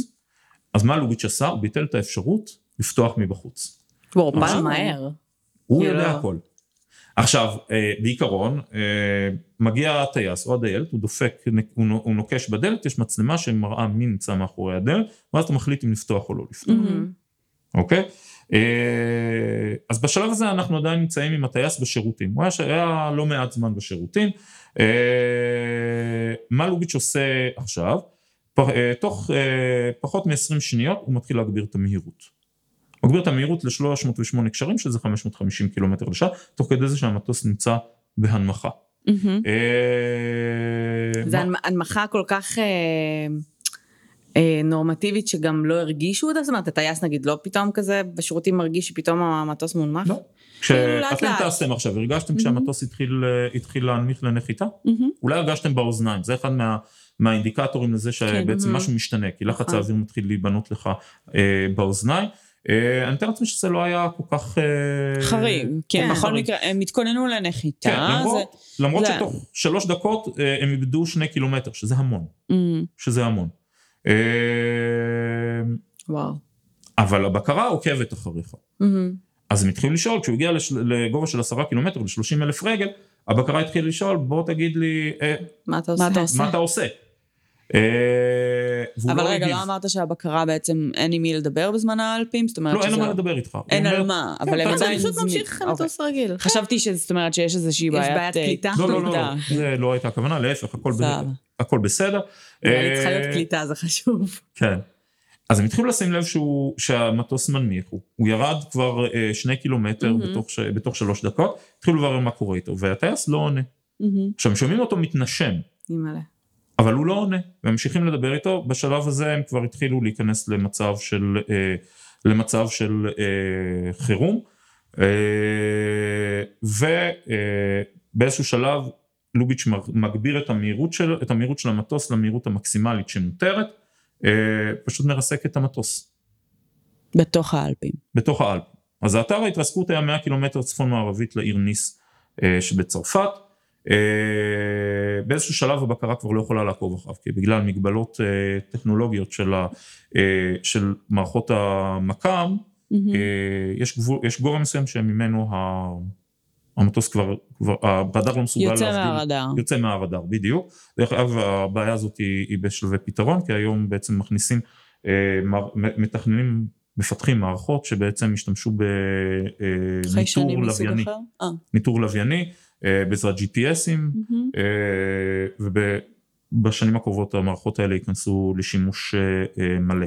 אז כבר לא יהיה את הבעיה הזאת יותר. אז אזורים שאי אפשר למפות אותם בכלל, ייפתחו לגמרי למיפוי מלא, למשל אה, חלקים מסוימים של האוקיינוס האטלנטי, או מפרץ מקסיקו, שאין שם שום, שם אפשרות לבצע אה, בקרה.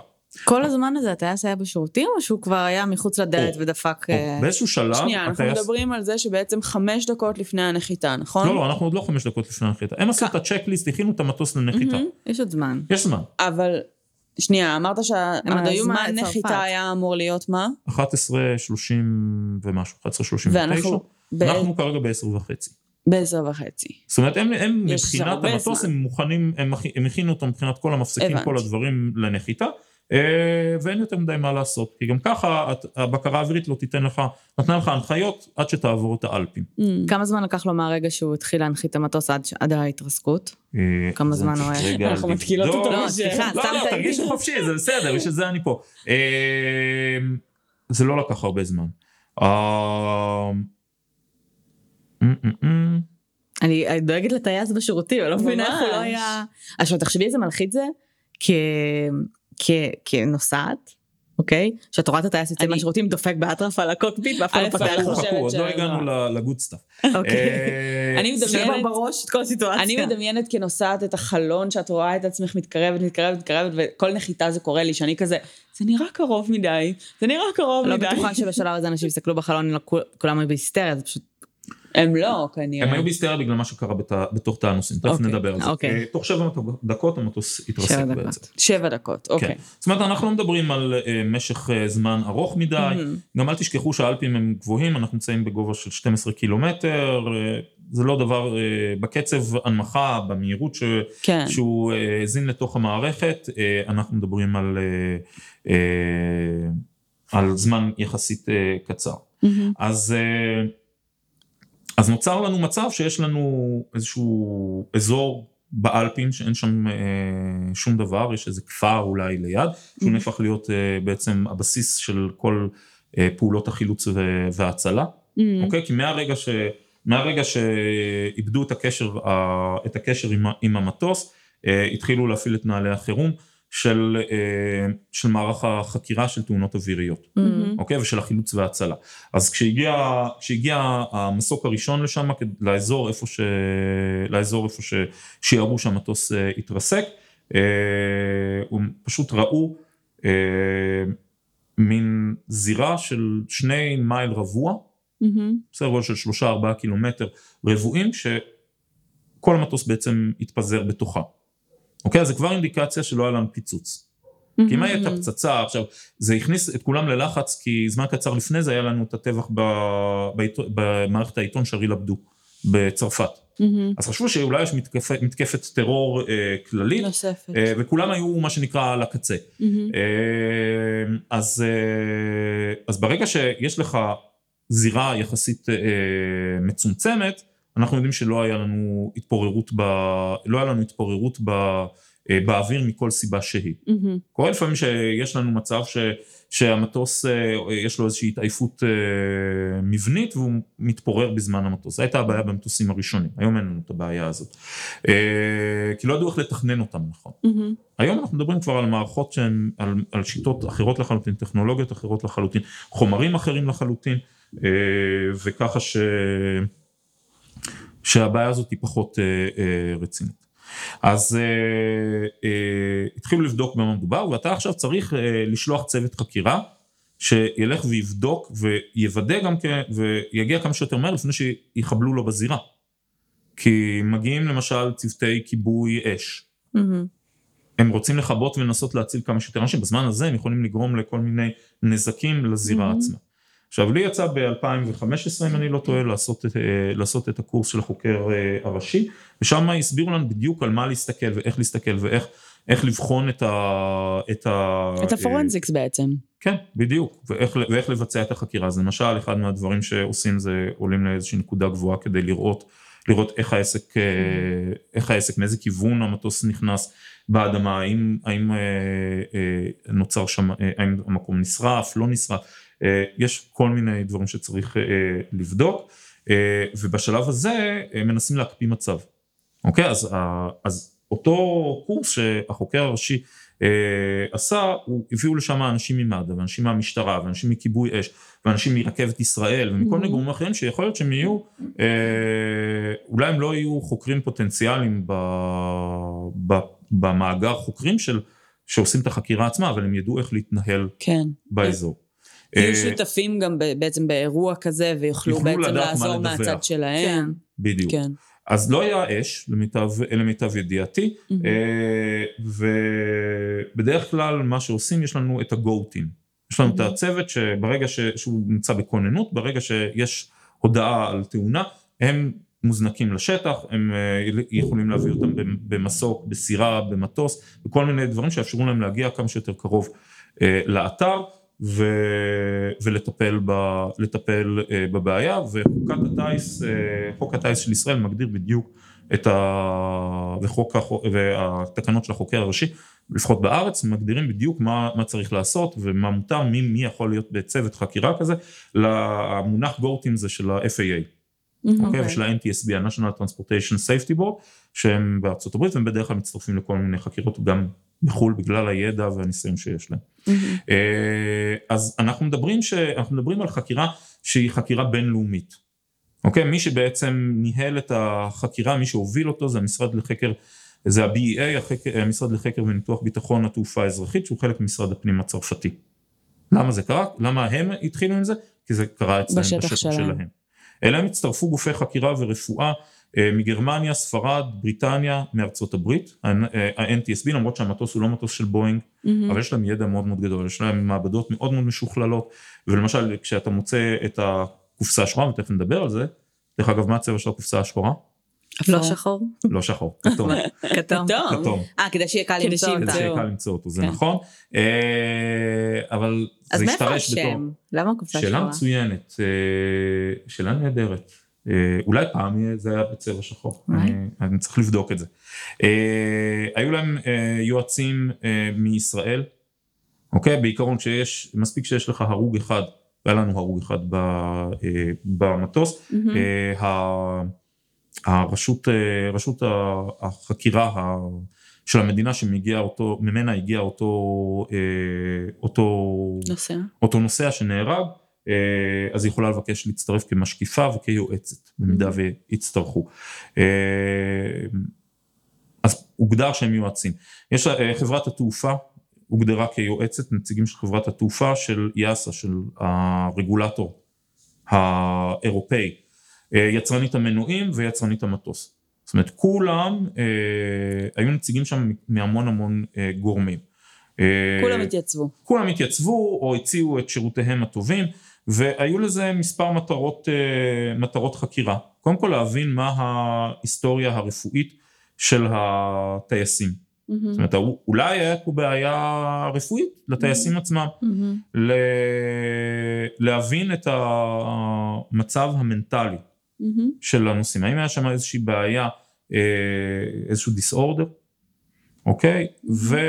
ולהקטין בסופו של דבר את הסיכון שכזה דבר יקרה פעם נוספת, וכמובן להבין מה קרה אה, במטוס. Mm-hmm. עכשיו היו לנו מקרים בעבר שהלכו והאשימו תוך כדי נסיעה היום בבוקר, אני יצאתי ב-6 בבוקר מהבית, כי היום זה יום היערכות במכללה אצלנו, והייתי צריך להיות ב-8 בבוקר. אז uh, יש לי שעתיים נהיגה, אז או שאני מקשיב לכן, תוך כדי, תוך כדי הנהיגה, או uh, במקרה הזה הקשבתי ל... Uh, הקשבתי לדברים שקשורים uh, לקייס, כי זה לא עזב אותי, ו... Uh, ברח לי חוט המחשבה. אה, אה, כן, ומצאו, והיה כבר מקרה של חברה אינדונזית בשם סילק mm-hmm. שהמטוס שם התרסק בצורה מאוד מאוד מוזרה, מטוס 737 דווקא, mm-hmm. מהדורות הקודמים שהם בטוחים, אה, אבל מסתבר שהיו להם בעיות ידועות, יש כל מיני בעיות פוטנציאליות שיודעים שיש, שיש למטוס שאם קורית איזושהי התרסקות, זה לא קורה לעיתים קרובות, זה לא קורה כמעט mm-hmm. בכלל, אבל זה עלול לקרות, ובמקרה הזה היו בטוחים שהטייס אה, ריסק את המטוס, בכוונה. כי מה היה אצלו?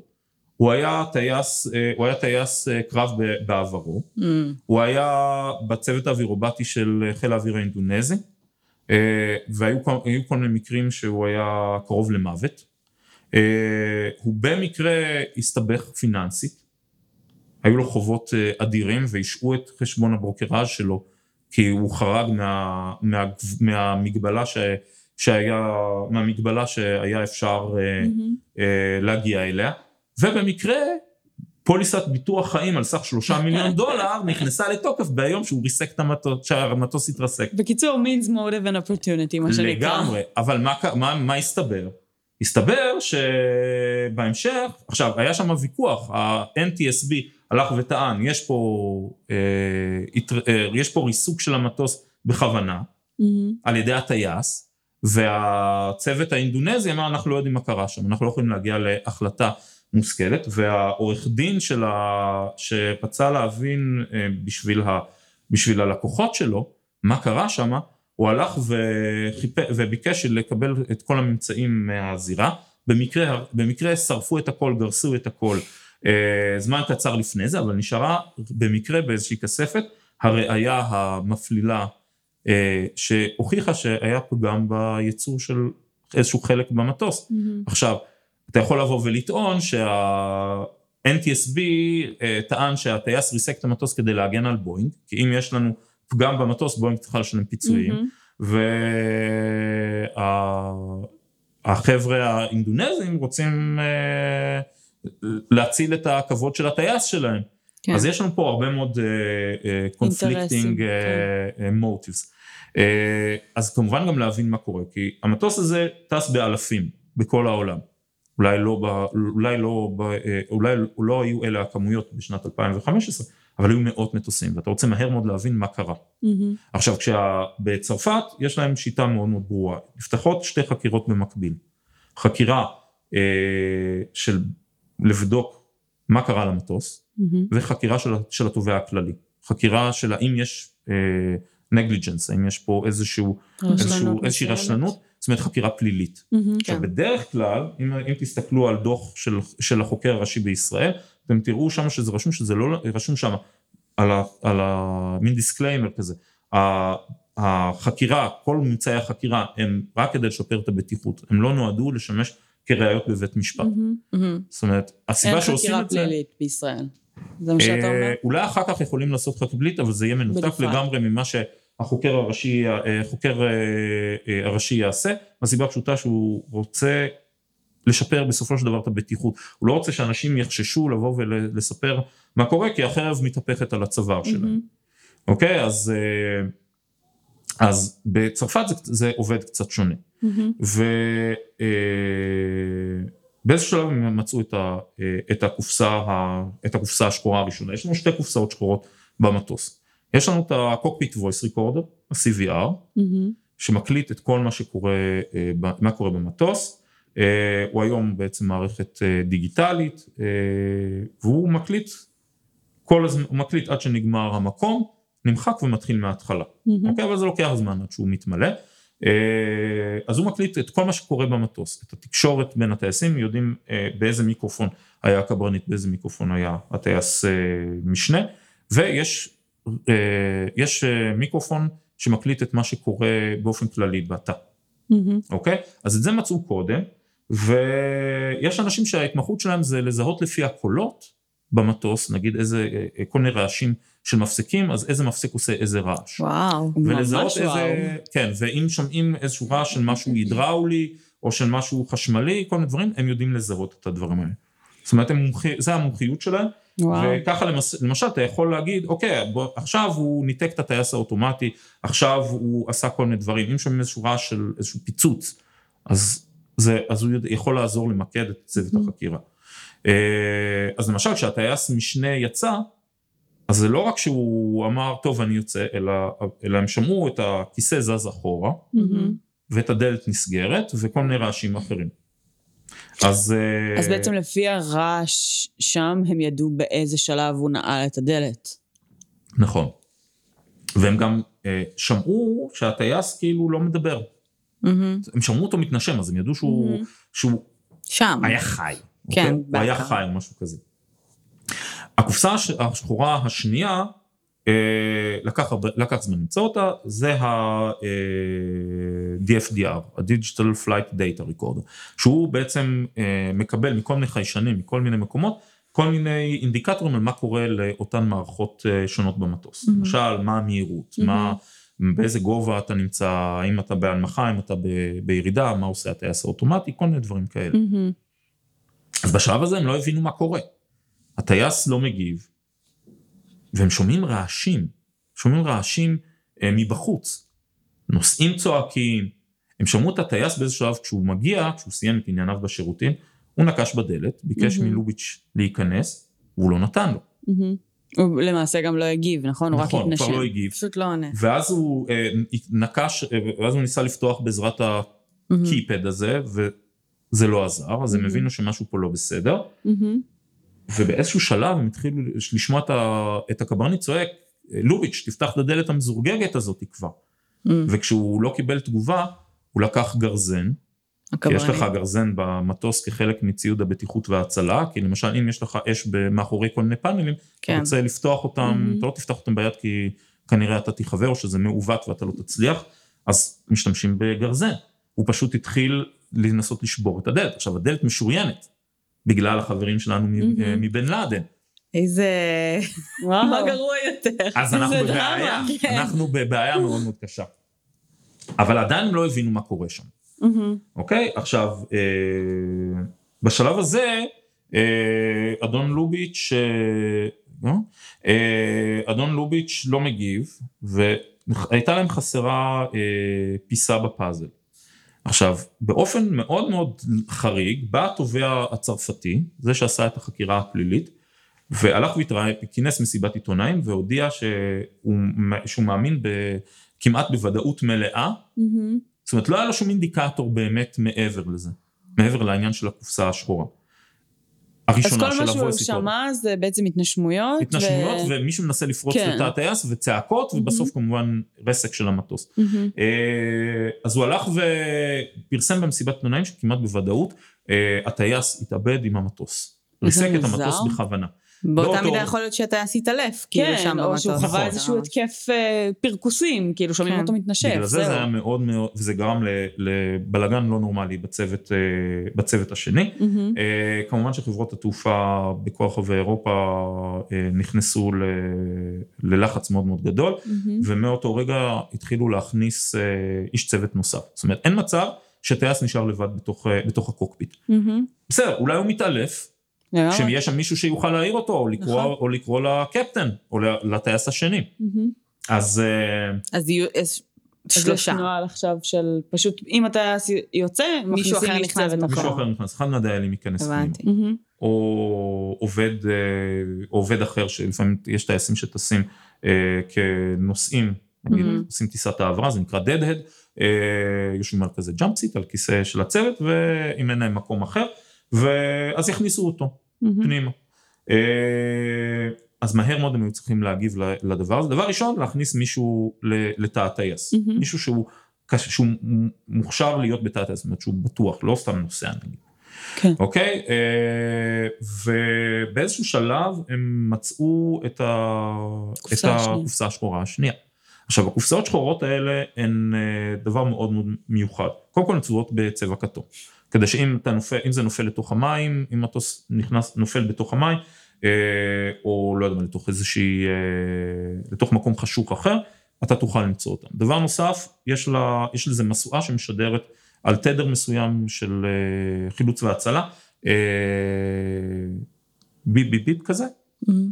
במשך חודש. וואו. אז למשל, כשהיה את ההתרסקות של המטוס המלזי, של טיסה 370, אה, כולם היו בלחץ מהר מהר למצוא את, ה, למצוא את, ה, אה, את הקופסה השחורה, למצוא את המטוס, כי אם אח- אחרי חודש זה נהפך להיות יותר, יותר מסובך. מהמם. הקופסאות שחורות האלה הן אה, בנויות לעמוד ב- באש, בהתרסקויות, אה, בכל מיני אה, מצבים מאוד מאוד קיצוניים. אבל במקרה הזה הקופסאות השחורות נפגעו קצת, נפגעו Mhm. במידה מסוימת, ולכן טוב מאוד שהיה להם את ה-NTSB, שיש להם. מעבדות מאוד מאוד משוכללות איך אה, לטפל, איך, איך לשחזר את זה. וכשהגיעה הקופסה השחורה השנייה והתחילו לחקור אותה, הם גילו שהטייס שיחק עם הטייס האוטומטי, מהמם. ואז הבינו שזה היה בצורה שהיא, אה. שהיא, שהיא, מתוכ... שהיא, אה, מבוקרת. דליברטלי, מהמם. אוקיי? ושהוא משחק עם, ה, עם, ה, עם המהירות, זאת אומרת, הוא היה בשליטה כל הזמן, הוא לא התעלף. מהמם. ואז מהר מאוד רצו לבדוק מה הסיפור עם אדון אנדריאס לוביץ', אם יש איזשהו, אם יש איזה משהו שחור בעבר שלו שאנחנו לא יודעים. מהמם. אז כשהם פתחו את המדיקל רקורד שלו, שהחברה העבירה, אז הם גילו שהוא היה תשעה חודשים באיזה מנטל אינסטיטוט. מהמם. אז הם התחילו לחפש קצת יותר לעומק, והם גילו שבאיזשהו שלב, קצת, זמן קצר לפני ההתרסקות של המטוס, לפני הרצח, אה, הוא התחיל אה, לדווח על בעיות ראייה וואלה. למי הוא דיווח? לרופאים שלו. הוא הלך לכל מיני רופאים ואמר, תקשיבו, אני לא רואה טוב, הראייה שלי מידרדרת, אה, בואו תעזרו לי, אז התחילו לבדוק אותו, והרופא הראשון אמר, אין לך שום בעיה, חבר, אולי כדאי שתנוח קצת, אה, והוא הלך ל-41 רופאים. וואו. הוא הלך ל-41 רופאים. באיזה תקופה? תקופה מאוד מאוד קצרה. כמה? חודשים או... כמה חודשים. וואו. כן. ואף אחד לא מצא משהו שהוא... שום דבר לא מצאו שם. חלקם אפילו ציידו אותו בפתק למעסיק, בחלקם הוא אפילו לא אמר שהוא טייס כנראה. מהמם. ציידו אותו בפתק למעסיק, תנו לו חופשה. עכשיו, אה, אני רוצה כי- רגע להגיד, נשמע כאילו הוא רצה שמישהו יגיד לו שהוא לא כשיר אה, להיות טייס יותר. כמישהי הוא ש... לא היה מוכן להאמין לזה.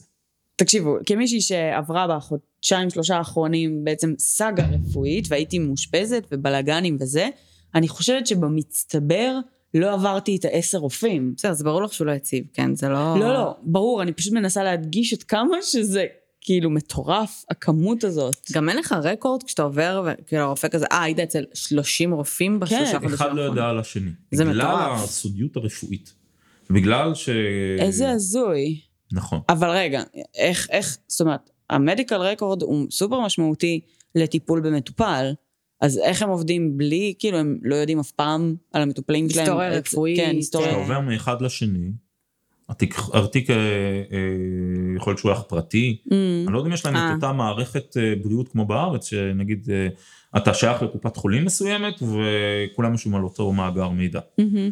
אה, חלקם אה, כנראה הבינו שהוא, אה, שהוא עם אה, בעיות אה, נפשיות וציידו אותו ב- בכדורים אה, אה, כדורים לטיפול בבעיה, כדורים שונים ומשונים. עכשיו, אני יודע- אני יודעת שרופא עיניים יכול לתת לך כדורים פסיכיאטריים גם. כן. אה, יכול להיות שהוא גם הלך לרופאים כאלה, הבעיה שאף אחד לא רצה לדבר. זאת אומרת, Mm. באיזשהו שלב ה- אה, החוקרים התחילו להתקשר לרופאים בגרמניה, שהם שהם ידעו שלוביץ' הלך אליהם, והאם אתה, אתה מוכן לדבר על הקולגה שלך, האם אתה מוכן לדבר על, ה, על הבן אדם הזה? כולם, כולם הסתתרו מאחורי זה. משפחה, חברים, אף אחד לא רצה, אף אחד אה, לא רצה לדבר, קצת מזכיר את Mhm. הרצח של הילדה שהאבא והאימא לא רצו לתת לאף אחד להיכנס, העשירים האלה, איך קראו להם? כן, ג'ון ג'ון רמזי. כן. כן. אז, אה, אז הם, אה, אז בקיצור, אף אחד לא רצה לשתף שם פעולה, מהמם. אז הם הלכו ופשטו על הבית שלו בדיסלדורף, אם אני לא טועה, מהמם. ומצאו שם כל מיני דברים נורא נורא מעניינים. פתק, פתק ש... שאתה לא רשאי יותר לטוס. שאתה היית צריך מיוזמתך ללכת ולדווח על זה ולתת לחברת תעופה שלך, ומצאו שם מרשמים לכדורים. רגע, מה? רגע, מה מה זה הפתק הזה? רופא כתב לו שהוא לא רשאי יותר לטוס, כן, לא והוא רשאי יותר לעבוד במקצוע שלו. היה צריך ללכת לחברת התעופה ולהגיד להם, אני לא רשאי יותר לטוס. בדיוק. זה רופא עיניים? לא, לא, לא, באיזשהו, אני לא יודע אם זה רופא עיניים, באיזשהו, גם נגיד רופא עיניים. תקשיבי, אתה לא 40 רואה טוב, אתה רופאים. לא רשאי לטוס. נכון. אבל זה נשמע כאילו הלך ל-40 רופאים כדי שמישהו יגיד לו אתה לא יכול לטוס, זה נשמע כאילו הוא רצה את זה, אני לא... אם היה לו פתק כזה, לא יודעת. זה נשמע, לי לא, לי זה נשמע כאילו הלך ל-40 רופאים, כי הוא מאוד רצה שיפתרו את הבעיה הזאת. כאילו בקטע של... שאין לו. לא, אני אומרת בקטע של... מבחינתו יש הוא לו את הבעיה. הזאת בוודאות, מה זאת אומרת? הוא הבין שיש משהו לא בסדר, והוא רצה, תפתרו אותי מהר, אני רוצה לחזור, כאילו, ככה זה נשמע לי. למה? עיניים אבל? מה? למה עיניים?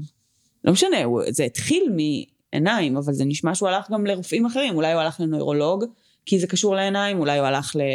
אמ, אה, לא אז, פשוט זה, הוא היה אמור? בעצמו להביא את הפתק ל... כן. אין העברת מידע בגרמניה אה, בין, בין הרופאים לכל מיני גורמים אחרים, נגיד למעסיק, ל, לרשויות, כי אתה, יש לך שבועת, אה, שבועת אה, של קונפידנציאליטי מלא. כלפי המטופלים שלך, אחרת יתבעו אותך. בוודאי. תראו, אני לא אבל- חושבת שבישראל, אם אה, אתה הולך לרופא והוא אומר לך שאתה לא כשיר לעבוד, זה אחרת, כן? אבל נראה לי שספציפית... יש תפקידים, אני חושבת, אבל... עדיין אני לא חושבת שזה יועבר אוטומטית, אבל אני חושבת שפשוט יהיה לך בדיקות רפואיות מטעם החברה, ואז זה כן יהיה בחיבור ישיר. אבל אם אני סתם הולכת לרופא במכבי ואני כאילו טייסת, זה לא יעבור אוטומטית בעצם. תראו, הוא עבר בדיקה רפואית אחרונה שבע חודשים לפני הריסוק של המטוס. עוברים את הבדיקה הרפואית פעם בשנה, סימולטור פעם בחצי שנה, פחות או יותר, אה, והוא כנראה ידע לשחק אותה יפה מאוד. טוב, עכשיו גם תחשבו- תקופה ארוכה. עכשיו תחשבו על בן אדם, אה, שזה החלום שלו כל חייו. מהמם, כנראה הוא נכנס להרבה מאוד אה, אה, חובות כספיים. מהמם. הבן כן. אדם אה, היה בלחץ שהולכים אה, לחתוך לו את ה... את ה אה, לחתוך לו את הקריירה שלו. זו פגיעה מאוד מאוד קשה באגו, מהמם. פגיעה מאוד מאוד קשה כלכלית, איך אני אראה את עצמי, כנראה. אה, בכל מקרה, אה, אז מה עוד מצאו אצלו בבית חוץ מהפתק הזה? מה זה? מה עוד מצאו אצלו בבית? זה מה שאני יודע שמצאו. הפתק? זאת אומרת, מצאו את הפתקים, אה, מצאו שהוא הלך למלא מלא רופאים, מצאו שהוא, שהוא אה, קיבל פתק שהוא לא כשיר, שהוא צריך למסור את זה למקום העבודה, ולמעשה בעצם הוא היה צריך אחרי הטיסה ללכת ולמסור את, ה, את הפתק למקום העבודה שלו. Mm. מצאו מר- מרשמים מקומטים בפח אצלו, מהמם, זאת אומרת, היה ברור שהבחור בבעיה קשה מאוד. מהמם. רוצים לשמוע את השוס? מה? אנחנו מחכות לזה. נהדר. הוא הרי טס גם מדיסלדורף בהתחלה בבוקר, ומסתבר שגם אז הטייס, אה, גם, הט... גם, גם אז הקברניט יצא פעם או פעמיים, אותו, אחד? אותו אחד, עם צוות אוקיי, קבוע, נכון. זאת אומרת, אתה עושה הלוך, אתה עושה חזור. אהה, אה, הוא, יצא, הוא יצא כמה פעמים אה, מהתא טייס, אהה. וכבר אז הוא התחיל לשחק עם הטייס האוטומטי. הוא כבר כיוון אותו ל-100 רגל, כבר ל-30 מטר, כבר בהלוך. אוקיי. והוא, ומה קרה? והוא, ברגע שהטייס חזר פנימה, הוא הספיק לחזור מהר מדי. Mm. אז הוא החזיר את הכל למצב הקודם שלו. זאת אומרת, הכל היה מתוכנן מראש. נו, ובדרך חזור הוא למד לנעול את הדלת. כן. בדרך חזור, כן, בדיוק, כנראה. כן? או שלא היה במקרה דיילת באזור. זאת אומרת, כל הסיפור הזה היה יכול לקרות עוד קודם, מהמם. ולהרוג אה, להרוג אה, קבוצה אחרת קבוצה לגמרי של אחרת. אנשים. וואי, איזה איזה מפחיד זה לחשוב שהיית במטוס שהטייס כאילו סוג של התלבט עם אה, לשחק... אה, מה זה התלבט? הוא הוא התחיל את התהליך, הוא פשוט לא הצליח לסיים אותו. אז בגלל זה הוא גם היה מאוד לא מהוסס כשהוא יצא מהשירותים, כי הוא יודע בדיוק מה הולך לעשות ואיך הולך לעשות את זה, הוא כבר ניסה את זה, הוא כבר שיחק עם זה. נכון? זאת אומרת, הוא עבר את סף הפחד. זאת אומרת, הוא כבר כן. יודע, מהמם. הוא כבר הוא כבר יודע. מה הוא צריך לעשות, הוא יודע בדיוק. איך לעשות את זה, הוא כבר מה שנקרא אה, נגע באש. כן. וזה סיפור לא, זה סיפור מטורף לגמרי. עכשיו, איך אתה בדיוק מטפל בבעיה הזאת? אז דבר ראשון, אז כרגע בעיקר מה שאני יודע שעשו זה שלא יכול להישאר טייס לבד אה, במטוס. מהמם. וזה גרם לכל כך הרבה גורמים ל- להתחיל ולבדוק מה, מה, מה קורה פה בעצם, מהמם. מה קורה פה בעצם. אז uh, התחילו לעשות בדיקות, ה-CDC, ה-Center for Disease Control and Prevention באטלנטה, הלך והוציא מחקר בשיתוף עם בית הספר לבריאות הציבור של אוניברסיטת הרווארד, uh, הם חקרו את המצב הנפשי של טייסים מסחריים. אז uh, החוקר שם היה אלכסנדר בוש, הוא היה אז uh, בפוסט דוקטורט שם, ופיתחו שאלון בריאות הדומה לזה שהם הכינו לצוותים של הדיילות. אוקיי. אוקיי, לקחו את, ה, לקחו את השאלון הסטנדרטי שהיה שם, עשו לו קצת שינויים שמתאימים אה, לטייסים, והלכו והפיצו את זה אצל 1,800 טייסים בארצות הברית, מהמם. טייסים מסחריים. עכשיו, כשהם מביאים בחשבון שרשומים היום 44 אלף טייסים אה, מסחריים אה, בארצות הברית, שזה כולל את הסטודנטים לטיס, ש, שצוברים שעות כרגע, מהמם. הוציאו כבר את הרישיון טיס המסחרי שלהם, אבל הם צוברים שעות, אז 1,800 מתוך uh, קבוצה כזאת זה מדגם מאוד מאוד יפה. אה, יודעים מה הם מצאו? מה? 12.6 אחוז אובחנו כגבולים מבחינת דיכאון קליני. וואו.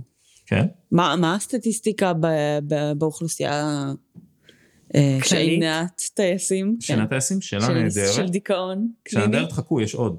אה, 4.1 אחוז מבין אלו שענו על שאלות שעסקו בפגיעה עצמית ובהתאבדויות, ציינו שהיו להם מחשבות כאלה. טוב, זה, זה כאילו, אני רוצה להגיד שאני חושבת שרוב האנשים חווים את זה מתישהו בחיים שלהם, אבל לא הייתי רוצה שפשוט בזמן הזה הם יהיו טייסים. נכון. או, או, או- נגיד נהגי רכבת, כן. או מפעילי ציוד הנדסי כן. כבד. מסכים איתך. אה, גילו למשל שבקרב טייסים הגיל הממוצע של אה, מי, ש... מי שבעצם ריסק את המטוס הוא בערך עשר שנים אה, יותר צעיר מאשר אה, אנשים שהתאבדו באוכלוסייה הכללית. Hmm. זאת אומרת הם צעירים, לעומת שהיה פחות או יותר בערך ברף התחתון של הקבוצה הזאת. מהמם. שריסקו. עכשיו היו לנו 50 ומשהו, היה לנו מקרה במוזמביק, שהט- שהטייס אה, יצא החוצה וריסקו שם את המטוס. אבל זה אפריקה.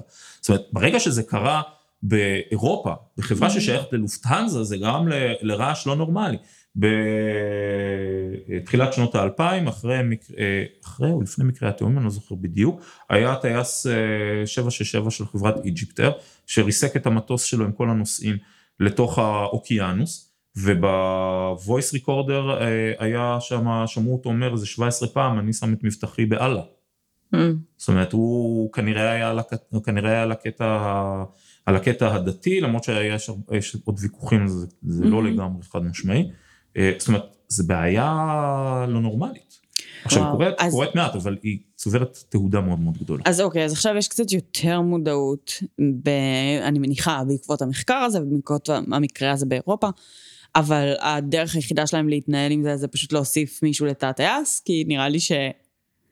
כאילו, משהו בבריאות? הנפש של טייסים. בסדר, אבל זה לא סבבה לעשות עכשיו, אה, מישהו היה מאושפז בעבר או סבל מדיכאון קליני, והיום הוא טוען שהכל בסדר ומאוזן, או שיש לו אישורים, את לא יכולה למנוע ממנו. לא, אבל אני כן, זאת אומרת, צ'קאפים נפשיים משהו שאולי הייתי עושה לעיתים יותר תכופות. ו...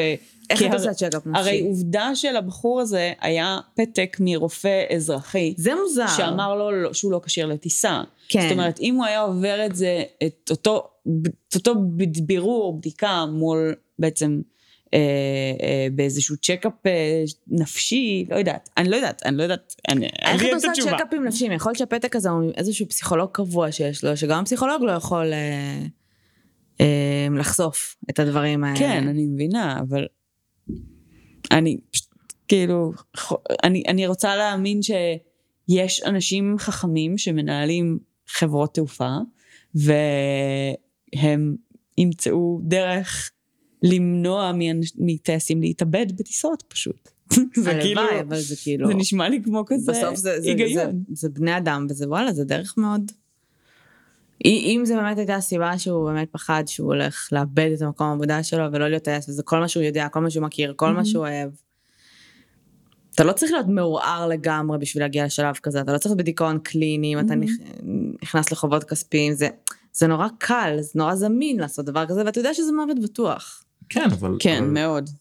אבל זה, זה דורש ממך, אתה גם, הבן אדם היה ער כל הזמן, הוא ראה את, ה, הוא ראה את האדמה מתקרבת אליו, הוא שמע את הצרחות מאחור, זה, אתה, אתה, המומחים חיצוניים שבדקו את המקרה הזה טענו שהוא היה במצב פסיכוטי, יכול להיות. ש... אבל לך. זה, זה, זה, זה, זה לא כאילו, שפוי. הוא נכנס למצב פסיכוטי מהשנייה שהוא לחץ על הכפתור הזה, הרי לפני כן הוא היה בסדר, אתה מבין? השאלה אם כאילו- הוא, היה לו איזה מין מבט, היה לו איזה מין מסכה סטואית כזאת חיצונית, זאת אומרת כמו שהוא לא נתן לדברים לצאת החוצה, הוא היה, הוא דיבר, בצור, הוא, הוא דיבר קצת מוזר, זאת אומרת הוא לא, הוא היה נותן תשובות קצרות כאלה. אה, שכנראה אפשר היום להגיד אוקיי אולי זה משהו מראה על איזושהי סערה, איזושהי סערה רגשית אה, שיש לה, שיש לבן אדם. אני חושב שבגדול מה שחברות, אה, מה שחברות תעופה צריכות לעשות, והן עושות את זה, קודם כל, עצם העובדה שבכלל זיהו שיש אחוז יחסית גבוה של אנשים שהם גבוליים מבחינת דיכאון קליני. זהו, את, אה, בדיוק הסתכלתי כרגע בוויקיפדיה על דיכאון קליני, אמ, ומצוין פה שבעצם דיכאון, לא, לא, לאו דווקא קליני, אלא פשוט דיכאון, אה, מופיע בקרב 15 עד 20 אחוז מהאוכלוסייה.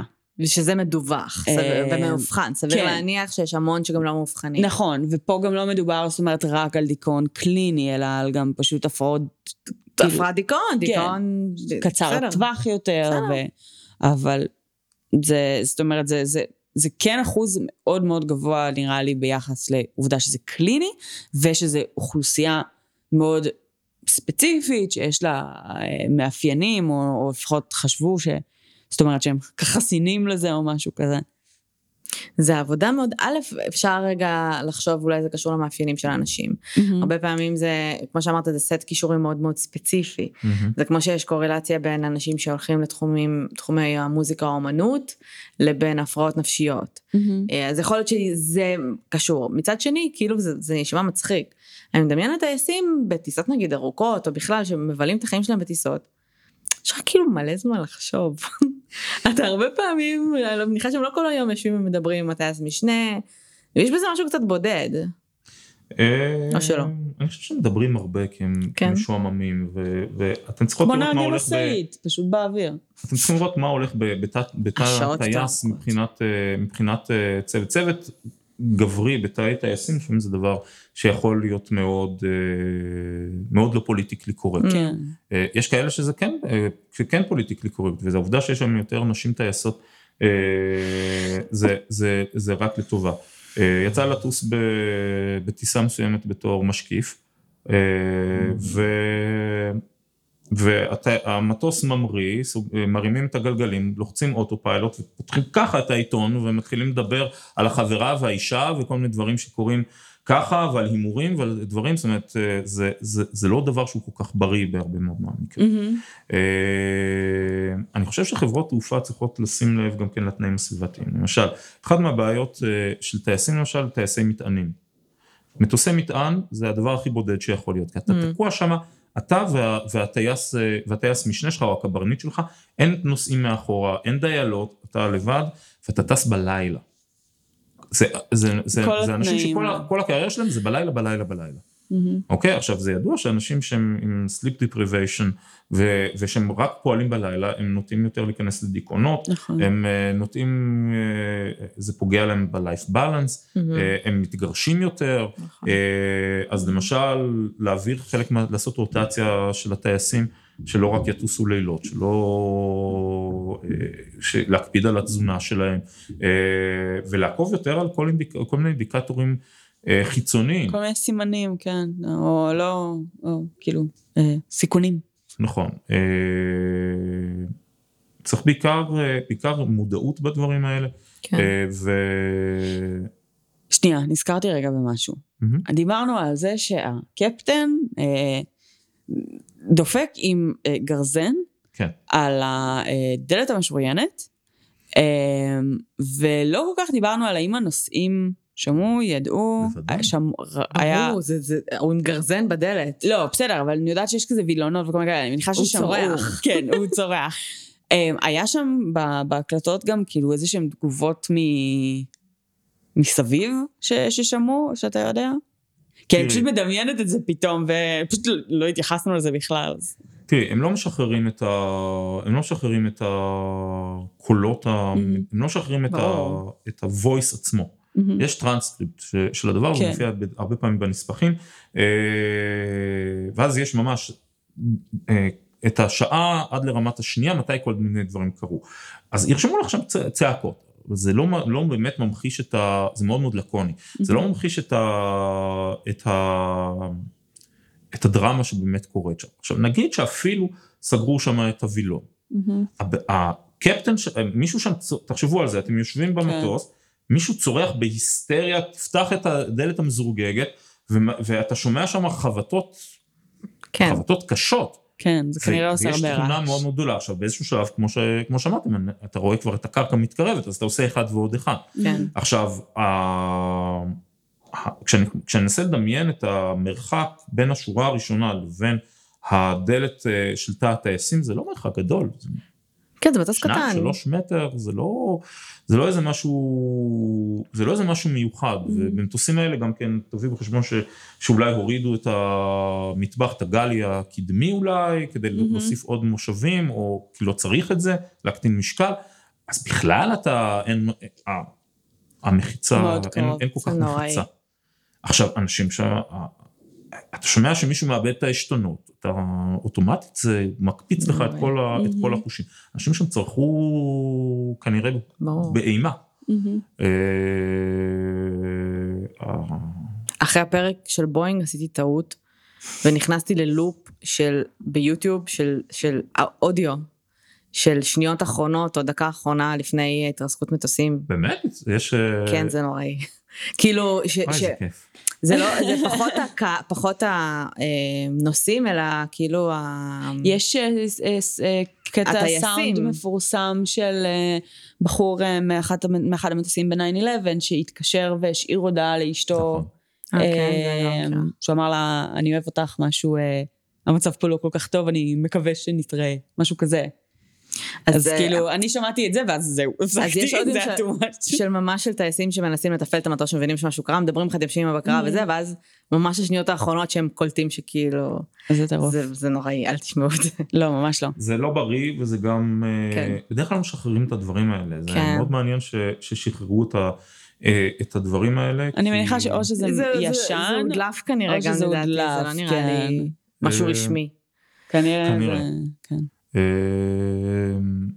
גם הרבה פעמים לא לגמרי, לא נותנים לראות את הגופות, או לא... או, כן.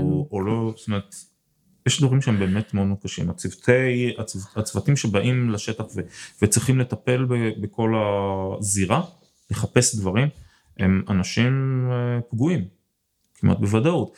אה, באחד מה... הם צריכים לעבור טיפולים פסיכולוגיים. ברור. תחשבו על זה ש, שבמקרה הזה לא, לא, אה, לא ממש דיברו על המצב של הגופות, אבל אה, דיברו על זה שהם- שאחד מהאנשי אה, צוות סיפר שאחד הדברים הכי קשים בשבילו לראות זה כל מיני בובות קטנות וכל מיני דברים של ילדים, מהמם. כי אתה מבין בדיוק מה קורה. כן. באחת מההתרסקויות של מטוס ה-DC-10 שהוא מטוס שעבר, שהוא, שהוא מה שנקרא שם בכיס הקטן את ה-737 מקס, זה מטוס שהוא תוכנן בצורה מאוד מאוד גרועה.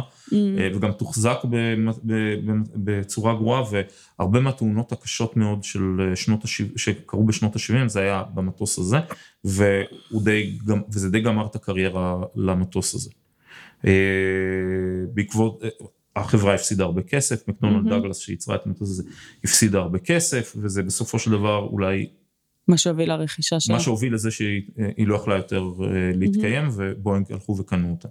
אה, אז היו שם מקרים, למשל אחת מהתאונות זה מטוס של טורקיש איירליינס שפשוט התפרק, התפרק והתרסק מעל יער בולון. אנשים שם היו תלויים על העצים ו- והיו, וואו. והיו. והיו שם מחזות גרפיים מאוד מאוד קשים. וה, והצוותים שם פשוט נכנסו להלם, סוג של הלם קרב. PTSD מאוד מאוד רציני, וזה, אה, וזה היה מאוד מאוד לא פשוט. אני יכולה להגיד שבישראל אה, עשיתי אה, קורס במד"א כזה כשהייתי אה, בתיכון ושקלתי להתנדב שם ואני זוכרת שדיברו בעצם על אה, אירועי רב נפגעים שבישראל זה בעיקר אירועי טרור מן הסתם אבל ההתנהלות בדרך כלל היא של המתנדבים הצעירים אה, שגם אם אתה מוכשר להיות אה, מגיש עזרה ראשונה באמבולנס בכל שלב נתון באירועי רב נפגעים הם משאירים אותם מאחור זאת אומרת אסור להם בכלל להתקרב יש ברור, הכשרות כי זה נוספות. זה- לידרלי חתיכות של אנשים. כן, כן, זה טירוף. ואז בעצם הם רק עוזרים מאחור בקבלה של פצועים וטיפול בתוך האמבולנס, הם לא נכנסים לזירה בכלל, אה, כי הם עדיין מן הסתם קרובים, רואים, שומעים, מריחים, אבל ברור. זה כאילו לצמצם את הטראומה ל- לאנשים כאלה. נערים, תראו, נכון. לי היה זוג חברים שהבת הזוג היא הייתה שוטרת אה, צבאית רכובה מהמם. על אופנוע, והיא הייתה בין, ה... ב... הייתה בין האנשים הראשונים שהגיעו לפיגוע בבית ליד, והיא הייתה. בטראומה שלא עזבה. אותה, כן. אה, לא, לא עזבה אותה בעצם כל זמן שהכרתי אותה, זאת אומרת, זה הרבה אחרי שזה קרה. עכשיו, אה, אני, תראו, אחת הסיבות שאנחנו צריכים שיש צורך להתייחס למצב הנפשי של האנשים, יש שם כל כך הרבה גורמים שאנשים נכנסים, שהם חוזרים עם PTSD. תחשבו mm-hmm. על כל הטייסים שהיו באפגניסטן, mm-hmm. או בעיראק. Mm-hmm. הם יכולים לחזור עם PTSD עכשיו, ויש מחקר שאומר ש, שבדק את, ה, את הסבירות שתחטוף PTSD בין אמריקאים לישראלים, אנחנו הרבה יותר מחוסנים מאשר האמריקאים. הגיוני. זאת אומרת, יכול להיות טייס ישראלי ש... שהלך וירה נגיד במסגרת של חיסול ממוקד והוא ראה את האנשים שם אה, עוברים את, את מה שהוא שיגר אליהם וזה ישפיע עליו הרבה פחות אה, גרוע מאשר ישפיע על, אה, על מפעיל, מפעיל כטב"ם באפגניסטן שהם יושבים בכלל באיזה חור במדבר בארצות הברית ומפעילים כלי טיס, שיור, שיורים בצד השני של העולם, mm-hmm. זה, זה משהו אחר, אחר לחלוטין. אז, אה, אז תחשבו על בן אדם שהוא עם PTSD והוא צריך להטיס עכשיו מטוס ג'מבו מלא ב-400 נוסעים, לא בדיוק הקוקטייל כן, הטוב ביותר. כן, לא, לא נהדר. נכון. אז אה, באופן כללי השיטה ש, שטייסים, אה, שמצפים מטייסים זה הדיווח העצמי. Mm-hmm. אוקיי? למשל, האם אתה משתמש בסמים, האם אתה משתמש באלכוהול בצורה שהיא excessive. אני לא זוכר, היה את הסרט עם דנזל וושינגטון, שהוא היה טייס, והוא ריסק את המטוס, ו... ובאו אליו, אליו בת... בטענות. אז הוא איבד את הרישיון שלו, אני לא טועה, הוא ישב בכלא, כי הוא היה בספייר טיים שלו, הוא היה מכור בעצם לכל מיני דברים, mm-hmm. ובעצם אה, הוא עשה, אם אני זוכר נכון את הסרט, הוא בעצם ביצע דברים שהם, שהצילו את הנוסעים, אבל היו רקלס לגמרי. Mm-hmm. אז על זה הוא, אז, אז כשבדקו את הרקע שלו, לקחו לו את הרישיון והכניסו אותו לכלא, כי הוא התעסק עם סמים, הוא היה, mm-hmm. הוא עשה הרבה מאוד עבירות. אה, אז כל השיטה הזאת של דיווח עצמי היא לא תמיד עומדת במבחן המציאות, אז עכשיו כן. אתה צריך לה, אה, להחמיר יותר עם כל הדברים האלה, של, אה, גם של הקטע הנפשי. Mm-hmm. כן. כן, כאילו אם אנחנו חוזרים קצת לחברנו, mm-hmm. והעובדה שהוא התחיל עם אני, אני לא רואה טוב, אז כן, זה יכול להיות באמת בעיה בעיניים, וזה יכול להיות מחסור בוויטמין B12, כמו שאנחנו יודעים, שיכול לגרום לתופעת לוואי נדירה של בעיית ראייה, אבל זה גם יכול להיות בעצם השכלה של איזשהו, בעצם הזויות ראייה למיניהן. וזאת אומרת, איך בכלל, אם הכל מדובר, מדובר על דיווח עצמי, אז איך בכלל, ה... כאילו איך מנהלים את זה בכלל, מבחינת החברה, מבחינת, אה, לא יודעת, אה, רגולציות, אה, זה, זה ממש שאלה מהותית. זאת שאלה מצוינת, ואני לא בטוח שכרגע המחוקק יודע לתת עליה לגמרי את ה... את המענה, במיוחד אם אנחנו מביאים בחשבון שבחלק מהמדינות יש לנו את כל הסודיות המשוגעת הזאת כמו שיש אה, אצל הגרמנים. אה, אני מתאר לעצמי שבהמשך יפתחו כלים, אה, כלים שהם יותר, שהם יותר ממוחשבים, שהם מסוגלים לאתר, לאתר כל מיני דברים בצורה שלא בהכרח אנחנו נסמוך רק על ה... רק על ה... הטוב לב והנכונות של, של אותו טייס ללכת, ו, וללכת ולדבר. אה, גם העניין של, אה, של היום, היום אנחנו שומעים יותר על מקרים שבהם אה, הלכו והלשינו על טייסים, הוציאו אותם מהקוקפיט לפני שהם אמרו, עמדו להמריא כי, כי חשדו שהם, שהם תחת השפעה של אלכוהול. Mm-hmm. זאת אומרת, אני חושב שיש היום הרבה יותר לגבי הדברים האלה, ואפשר להעתיק את זה כן. לחלק, לחלק הנפשי גם. Mm-hmm. זאת אומרת, זה אולי... שכל מיני גורמים אחרים ידווחו, כל, כן, ה... כל המעטפת הסובבת. להכשיר את כל בעצם כן. הצוות והטייסים, לזהות סימנים מקדימים, ואז בעצם שהם יהיו אה, סוג של ה... ושתהיה מודעות יותר גדולה. כן. כי למשל, אה, אה, לא יודע, אתה רואה ש, שהטייס מתנהג בצורה קצת מוזרה, mm-hmm. נגיד אתה עובד קרקע, נגיד אתה די על קרקע, ואתה רואה שה, שהטייס מתנהג בצורה מוזרה. אוקיי, אז אתה תלך ותדווח ולא תתייג את זה בתור זה הטייס, הוא כל יכול, אולי לא ראיתי נכון. Mm-hmm. כי היום לאט לאט מפשיטים גם כן את הטייסים מהעילה שלהם, דורשים מהם יותר להצהיר ויותר, והם עוברים יותר בדיקות חיצוניות. למשל, אחרי 9-11 התחילו לבדוק בדיקות ביטחוניות גם את הטייסים. ברור. לפני זה לא היה. והיו כל מיני טייסים שהיו... אה, מבריחי סמים וכאלה. שהיו נתפסים בתור. בלדרי סמים, כן. בתור בלדרים של חיות אקזוטיות, בתור מבריחים של כל מיני. דברים אחרים. כן. אה, אז זה נגמר. וואו. בחברת אל על יש, יש אה, מכונת שיקוף שמופעלת על ידי גורמים חיצוניים שבודקים את הטייסים, זאת אומרת, כדי שהם לא יצטרכו לעבור דרך, ה, דרך הטרמינל. מהמם. אבל יש בקרה. אה, אחר כך זה המשיך לגבי כל העניין של, אה, אה, של, של, של, שטייסים יכולים להיות שיכורים, יכולים להיות מסוממים, אז מסתכלים עליהם מבחוץ, ולא ירחק היום שהם יצטרכו לעבור בדיקת ינשוף לפני שהם, אה, שהם עולים על המטוס, ועכשיו נכנס לתוך הסל הזה גם העניין, ה, גם העניין ה- הפסיכוטי, אה, הנפשי.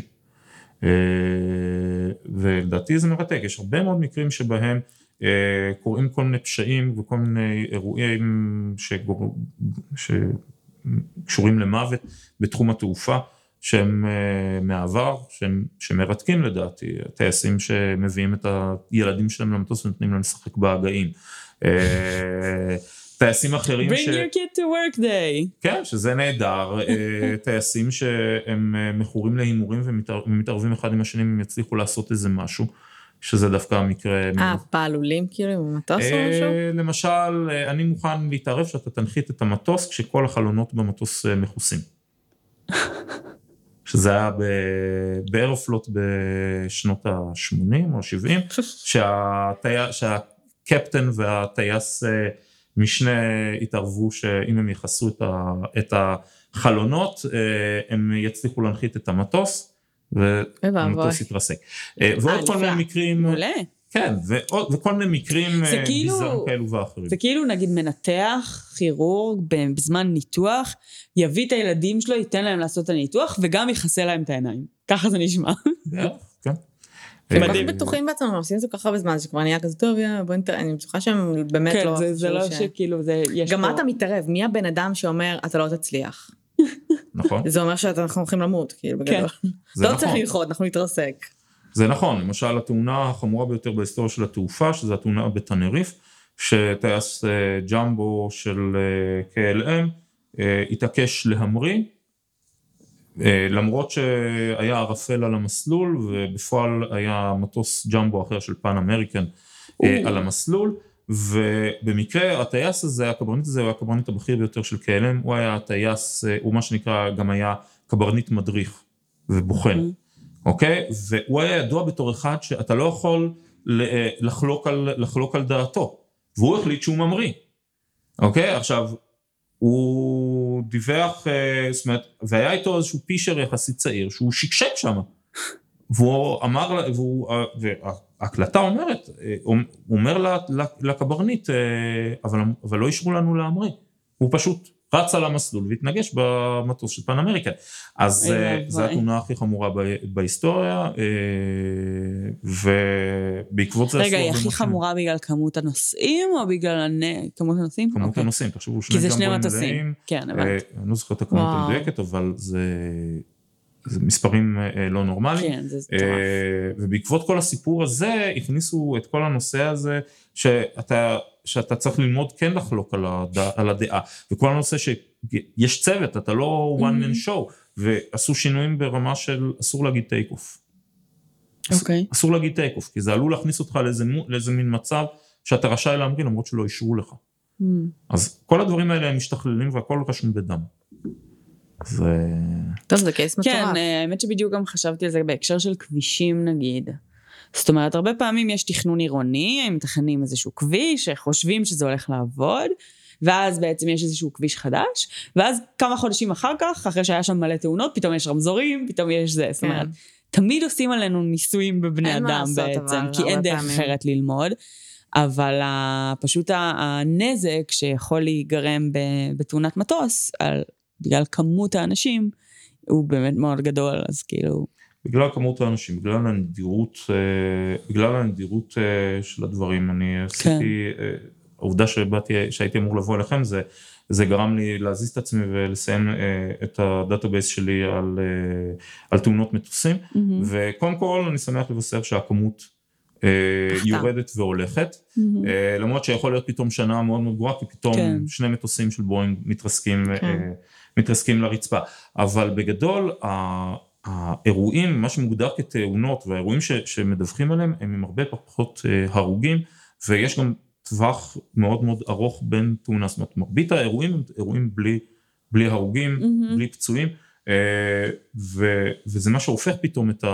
אה, כשכבר קורה משהו, פתאום וואו, mm-hmm. פתאום משהו נורא, משהו, זה יוצר תהודה מאוד מאוד גדולה, כן. העובדה שאנחנו חיים בעידן של רשתות חברתיות, ש... כן. שהכל רץ ומשתולל והרבה מאוד, אה, הרבה מאוד ספקולציות, מעצים מאוד את, ה... את החוויה ועלול לגרום ללחצים של אנשים שלא ירצו. לטוס יותר. כן. גם ככה יש אנשים ש... זה כן. ככה חוויה שהיא... כאילו לעומת נגיד רכב, למרות שיש יותר תאונות, אנחנו...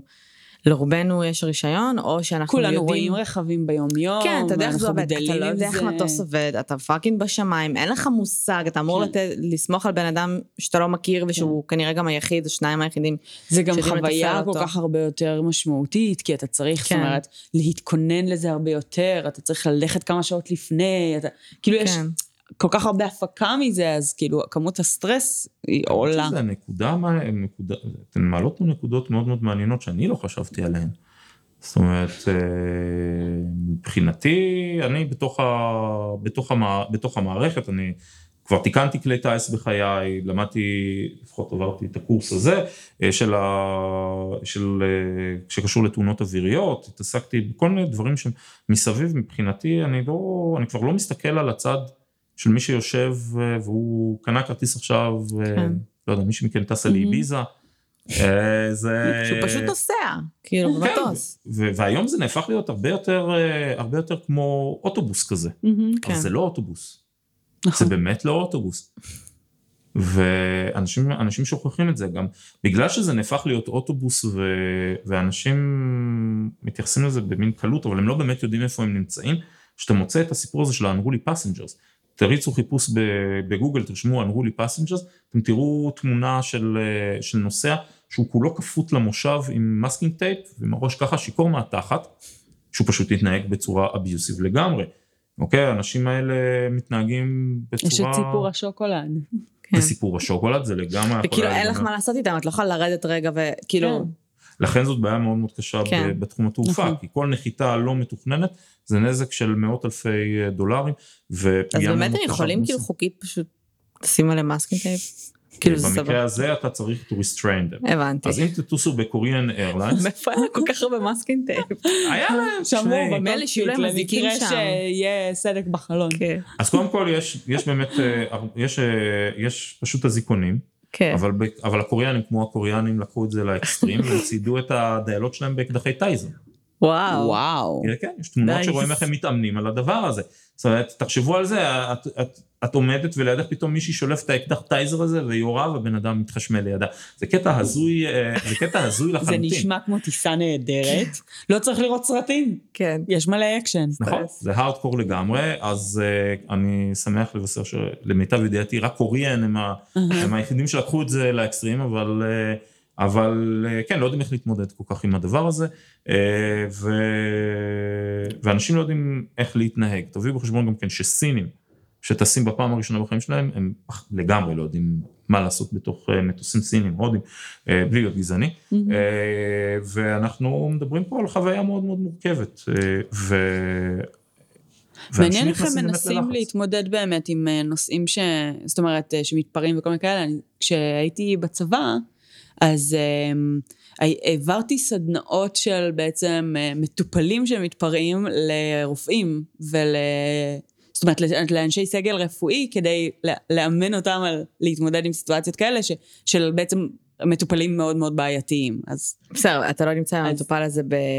כן, אז כאילו... בחדר מתכת בשמיים שאין לך איך לברוח. אז עם מטופלים, בדרך כלל הדרך הייתה כאילו לנסות להרגיע אותם לרגע אחד, ואז to get them out. ברור. Um, ובאמת במטוס, כאילו גם אם היו עושים להם נגיד סדנאות כאלה, מה הם אמורים לעשות? מה הפתרון? אני בכלל לא מבינה, כאילו זה יישמע, לי זה פשוט לא חשוב, אבל אני לא מבינה למה מגישים בכלל אלכוהול במטוסים. כאילו, יש לך מלא חבר'ה צעירים כן. שבאו לעשות שטויות נכון. שבאו, למה? מה אתה, זה, זה מה שיעשה לך את הטיסה, כוס יין? נכון. זה נכון, אה, ויצא לי לטוס, יצא לי כבר... למרות שגם אנשים עולים שיכורים נראה לי. סורי. זה בדיוק הנקודה שאני חותר אליה. ברמה כ... וואו. אה, בוא נתחיל מזה שבטיסות מסוימות, בחברות תעופה מסוימות, אה, בגלל שהן רוצות למכור כמה שיותר דברים, כן. אז, אנש, אז מבחינתם כמה שיותר למכור אלכוהול. ואז זה נהפך להיות אה, בית מרזח כל, ה, כל המטוס, וזה חוויה לא, לא, לא, חוויה אנתרופולוגית מעניינת מאוד. אה, היום יש, אה, יש מהלכים שמנסים לשכנע את שדות התעופה לא למכור אלכוהול יותר מהמם. בשדה, לא בהסעדה, לא בדיוטי פרי. וזה דבר שהוא, שהוא מוביל להרבה מאוד התנגדויות של, ברור. של שדות התעופה. ואני בטוחה גם של תאגידי. כאילו של, של חברות אלכוהול אה, שהם אה, רווחים שלהם מ- מ- מטיסות ומדיוטי פרי ומכל מיני כאלה היא בטח מטורפת בעולם. כן, ברור. אה, גם, תביאו בחשבון שבחברות אה, בחברות התעופה, בגלל שהשכר הוא לא כל כך אה, גבוה, המנהלי שירות בטיסה, שהם אלה שאחראים על המכירות של הדיוטי פרי, והם גוזרים קופון על זה, הם מקבלים עמלה, מבחינתם כמה שיותר למכור, כמה שיותר להריץ. מבחינתם אה, זה, זה הקטע, כי, הם, כי זה מקפיץ להם את השכר בטירוף. מהמם. אה, אז, אה, אז כן, יש פה הרבה מאוד התנגדויות. מצד שני, אני לא בטוח שאתה רוצה להתעסק עם הלקוח, עם לקוח שהוא אביוסיב ושהוא שהוא מתחרפן, שהוא יכול לבוא ולשבור לך את נכון. האף אם לא מכרת לו את השוקולד שלו. לגמרי. אז יש פה הרבה מאוד קונפליקטינג אינטרסט, הרבה מאוד בעיות, שדות התעופה מבחינתם. המטוס כבר לא אצלי, שישברו את הראש בעצמם. אה, אז כן, זה נקודות, זה נקודות בעייתיות. אה, מעניין. כן. טוב, זה קייס מטורף. בכלל זה תחום מטורף, זהו, זה עולם. תחום מטורף, זה וגם. כמות זה הרפרנסים שזרקת פה היא לא הגיונית בכלל. אפשר לעשות כאילו פודקאסט. שלם. על- טוב, כן, יש את אה, כאילו תעופה וחקירה, שזה סדרה טלוויזיה. כן, לא, מה צריך בסדר, אני לא אומרת שלא קיים דבר כזה. כן. אני אומרת שפרק זה לא מספיק ל- לא, ממש לא. להעביר את כל הדברים ש- שיש כל כך הרבה דברים לדבר עליהם. אה, זה נושא ממש מרתק. ממש. אני גם חושב. תעופה זה תמיד מרתק, זה כן. סקסי, זה מעניין. נכון. זה- אה, טוב, אנחנו קודם כל רוצות להודות לך מאוד מאוד שבאת. וואי, ממש. ממש לא מובן מאליו. אה, היה לנו ממש כיף, היה ממש אני ממש מקווה מעניין. שיש לך נהיגה עוד וזה. כן, אנחנו אני- בשעה כבר- אני עם אדרנלין, זה הכל. כן, זה מעולה. אה, אז המון המון תודה, זה אל באמת היה ממש תירדם מעניין. בקוקפיט. חס וחלילה. אה, כשהפרק יצא, אתה נמצא בקבוצה? בפייסבוק? האמת שלא, אולי כדאי שאני אצטרף לקבוצה. תצטרף לקבוצה. כן, לא. אז תצטרף, קוראים. לקבוצה בואי נדבר רצח ופשע אמיתי, ועכשיו גם המאזינים שלנו יודעים את זה. כן, אתה. לכם שני עמודי פייסבוק. יש עמוד פייסבוק. שאנחנו מפרסמות את הפרקים, ויש קבוצה סגורה שפשוט המאזינים מדברים אה, על כל מיני נושאים. שם כל הדיונים קורים. אה, אז סביר להניח שיהיו, יכול להיות שגם יהיו שאלות, על כן, הפרק, שאם תרצה. תוכל אה, לראות ולענות, אני אשמח מאוד. במידה ופרק יצא ביום ראשון. אה, אוקיי. כן. אה, טוב, עוד משהו שאנחנו רוצות להגיד? אמ, למאזינים שלנו לעשות לייק, אה, לשים לנו תגובה, comment ב iTunes אה, וכולי וכולי וכולי. תנו לנו תגובות חיוביות, זה נורא כיף, וגם זהו, אה, וגם אם הם לא שליליות. אמ, ותודה רבה שהאזנתם, תודה שהייתם תודה. איתנו, שיהיה לכם שבוע מעולה. כן, אה, ואל תפחדו מטיסות. יש- אני לא. יודעת איך להגיד את זה אין מה אפילו. לעשות, בסדר. טיסות זה כיף, טיסות זה נחמד. כן, כן. טיסות זה כיף, טיסות זה נחמד. כן. זה- זה מוסר חו"ל זה השכל. כיף, חו"ל זה מוסר נחמד. ההשכל של הפרק. תעמדו בזה. אה, וזהו, תודה רבה שהייתם איתנו. תודה. ביי. ביי יוש. ביי.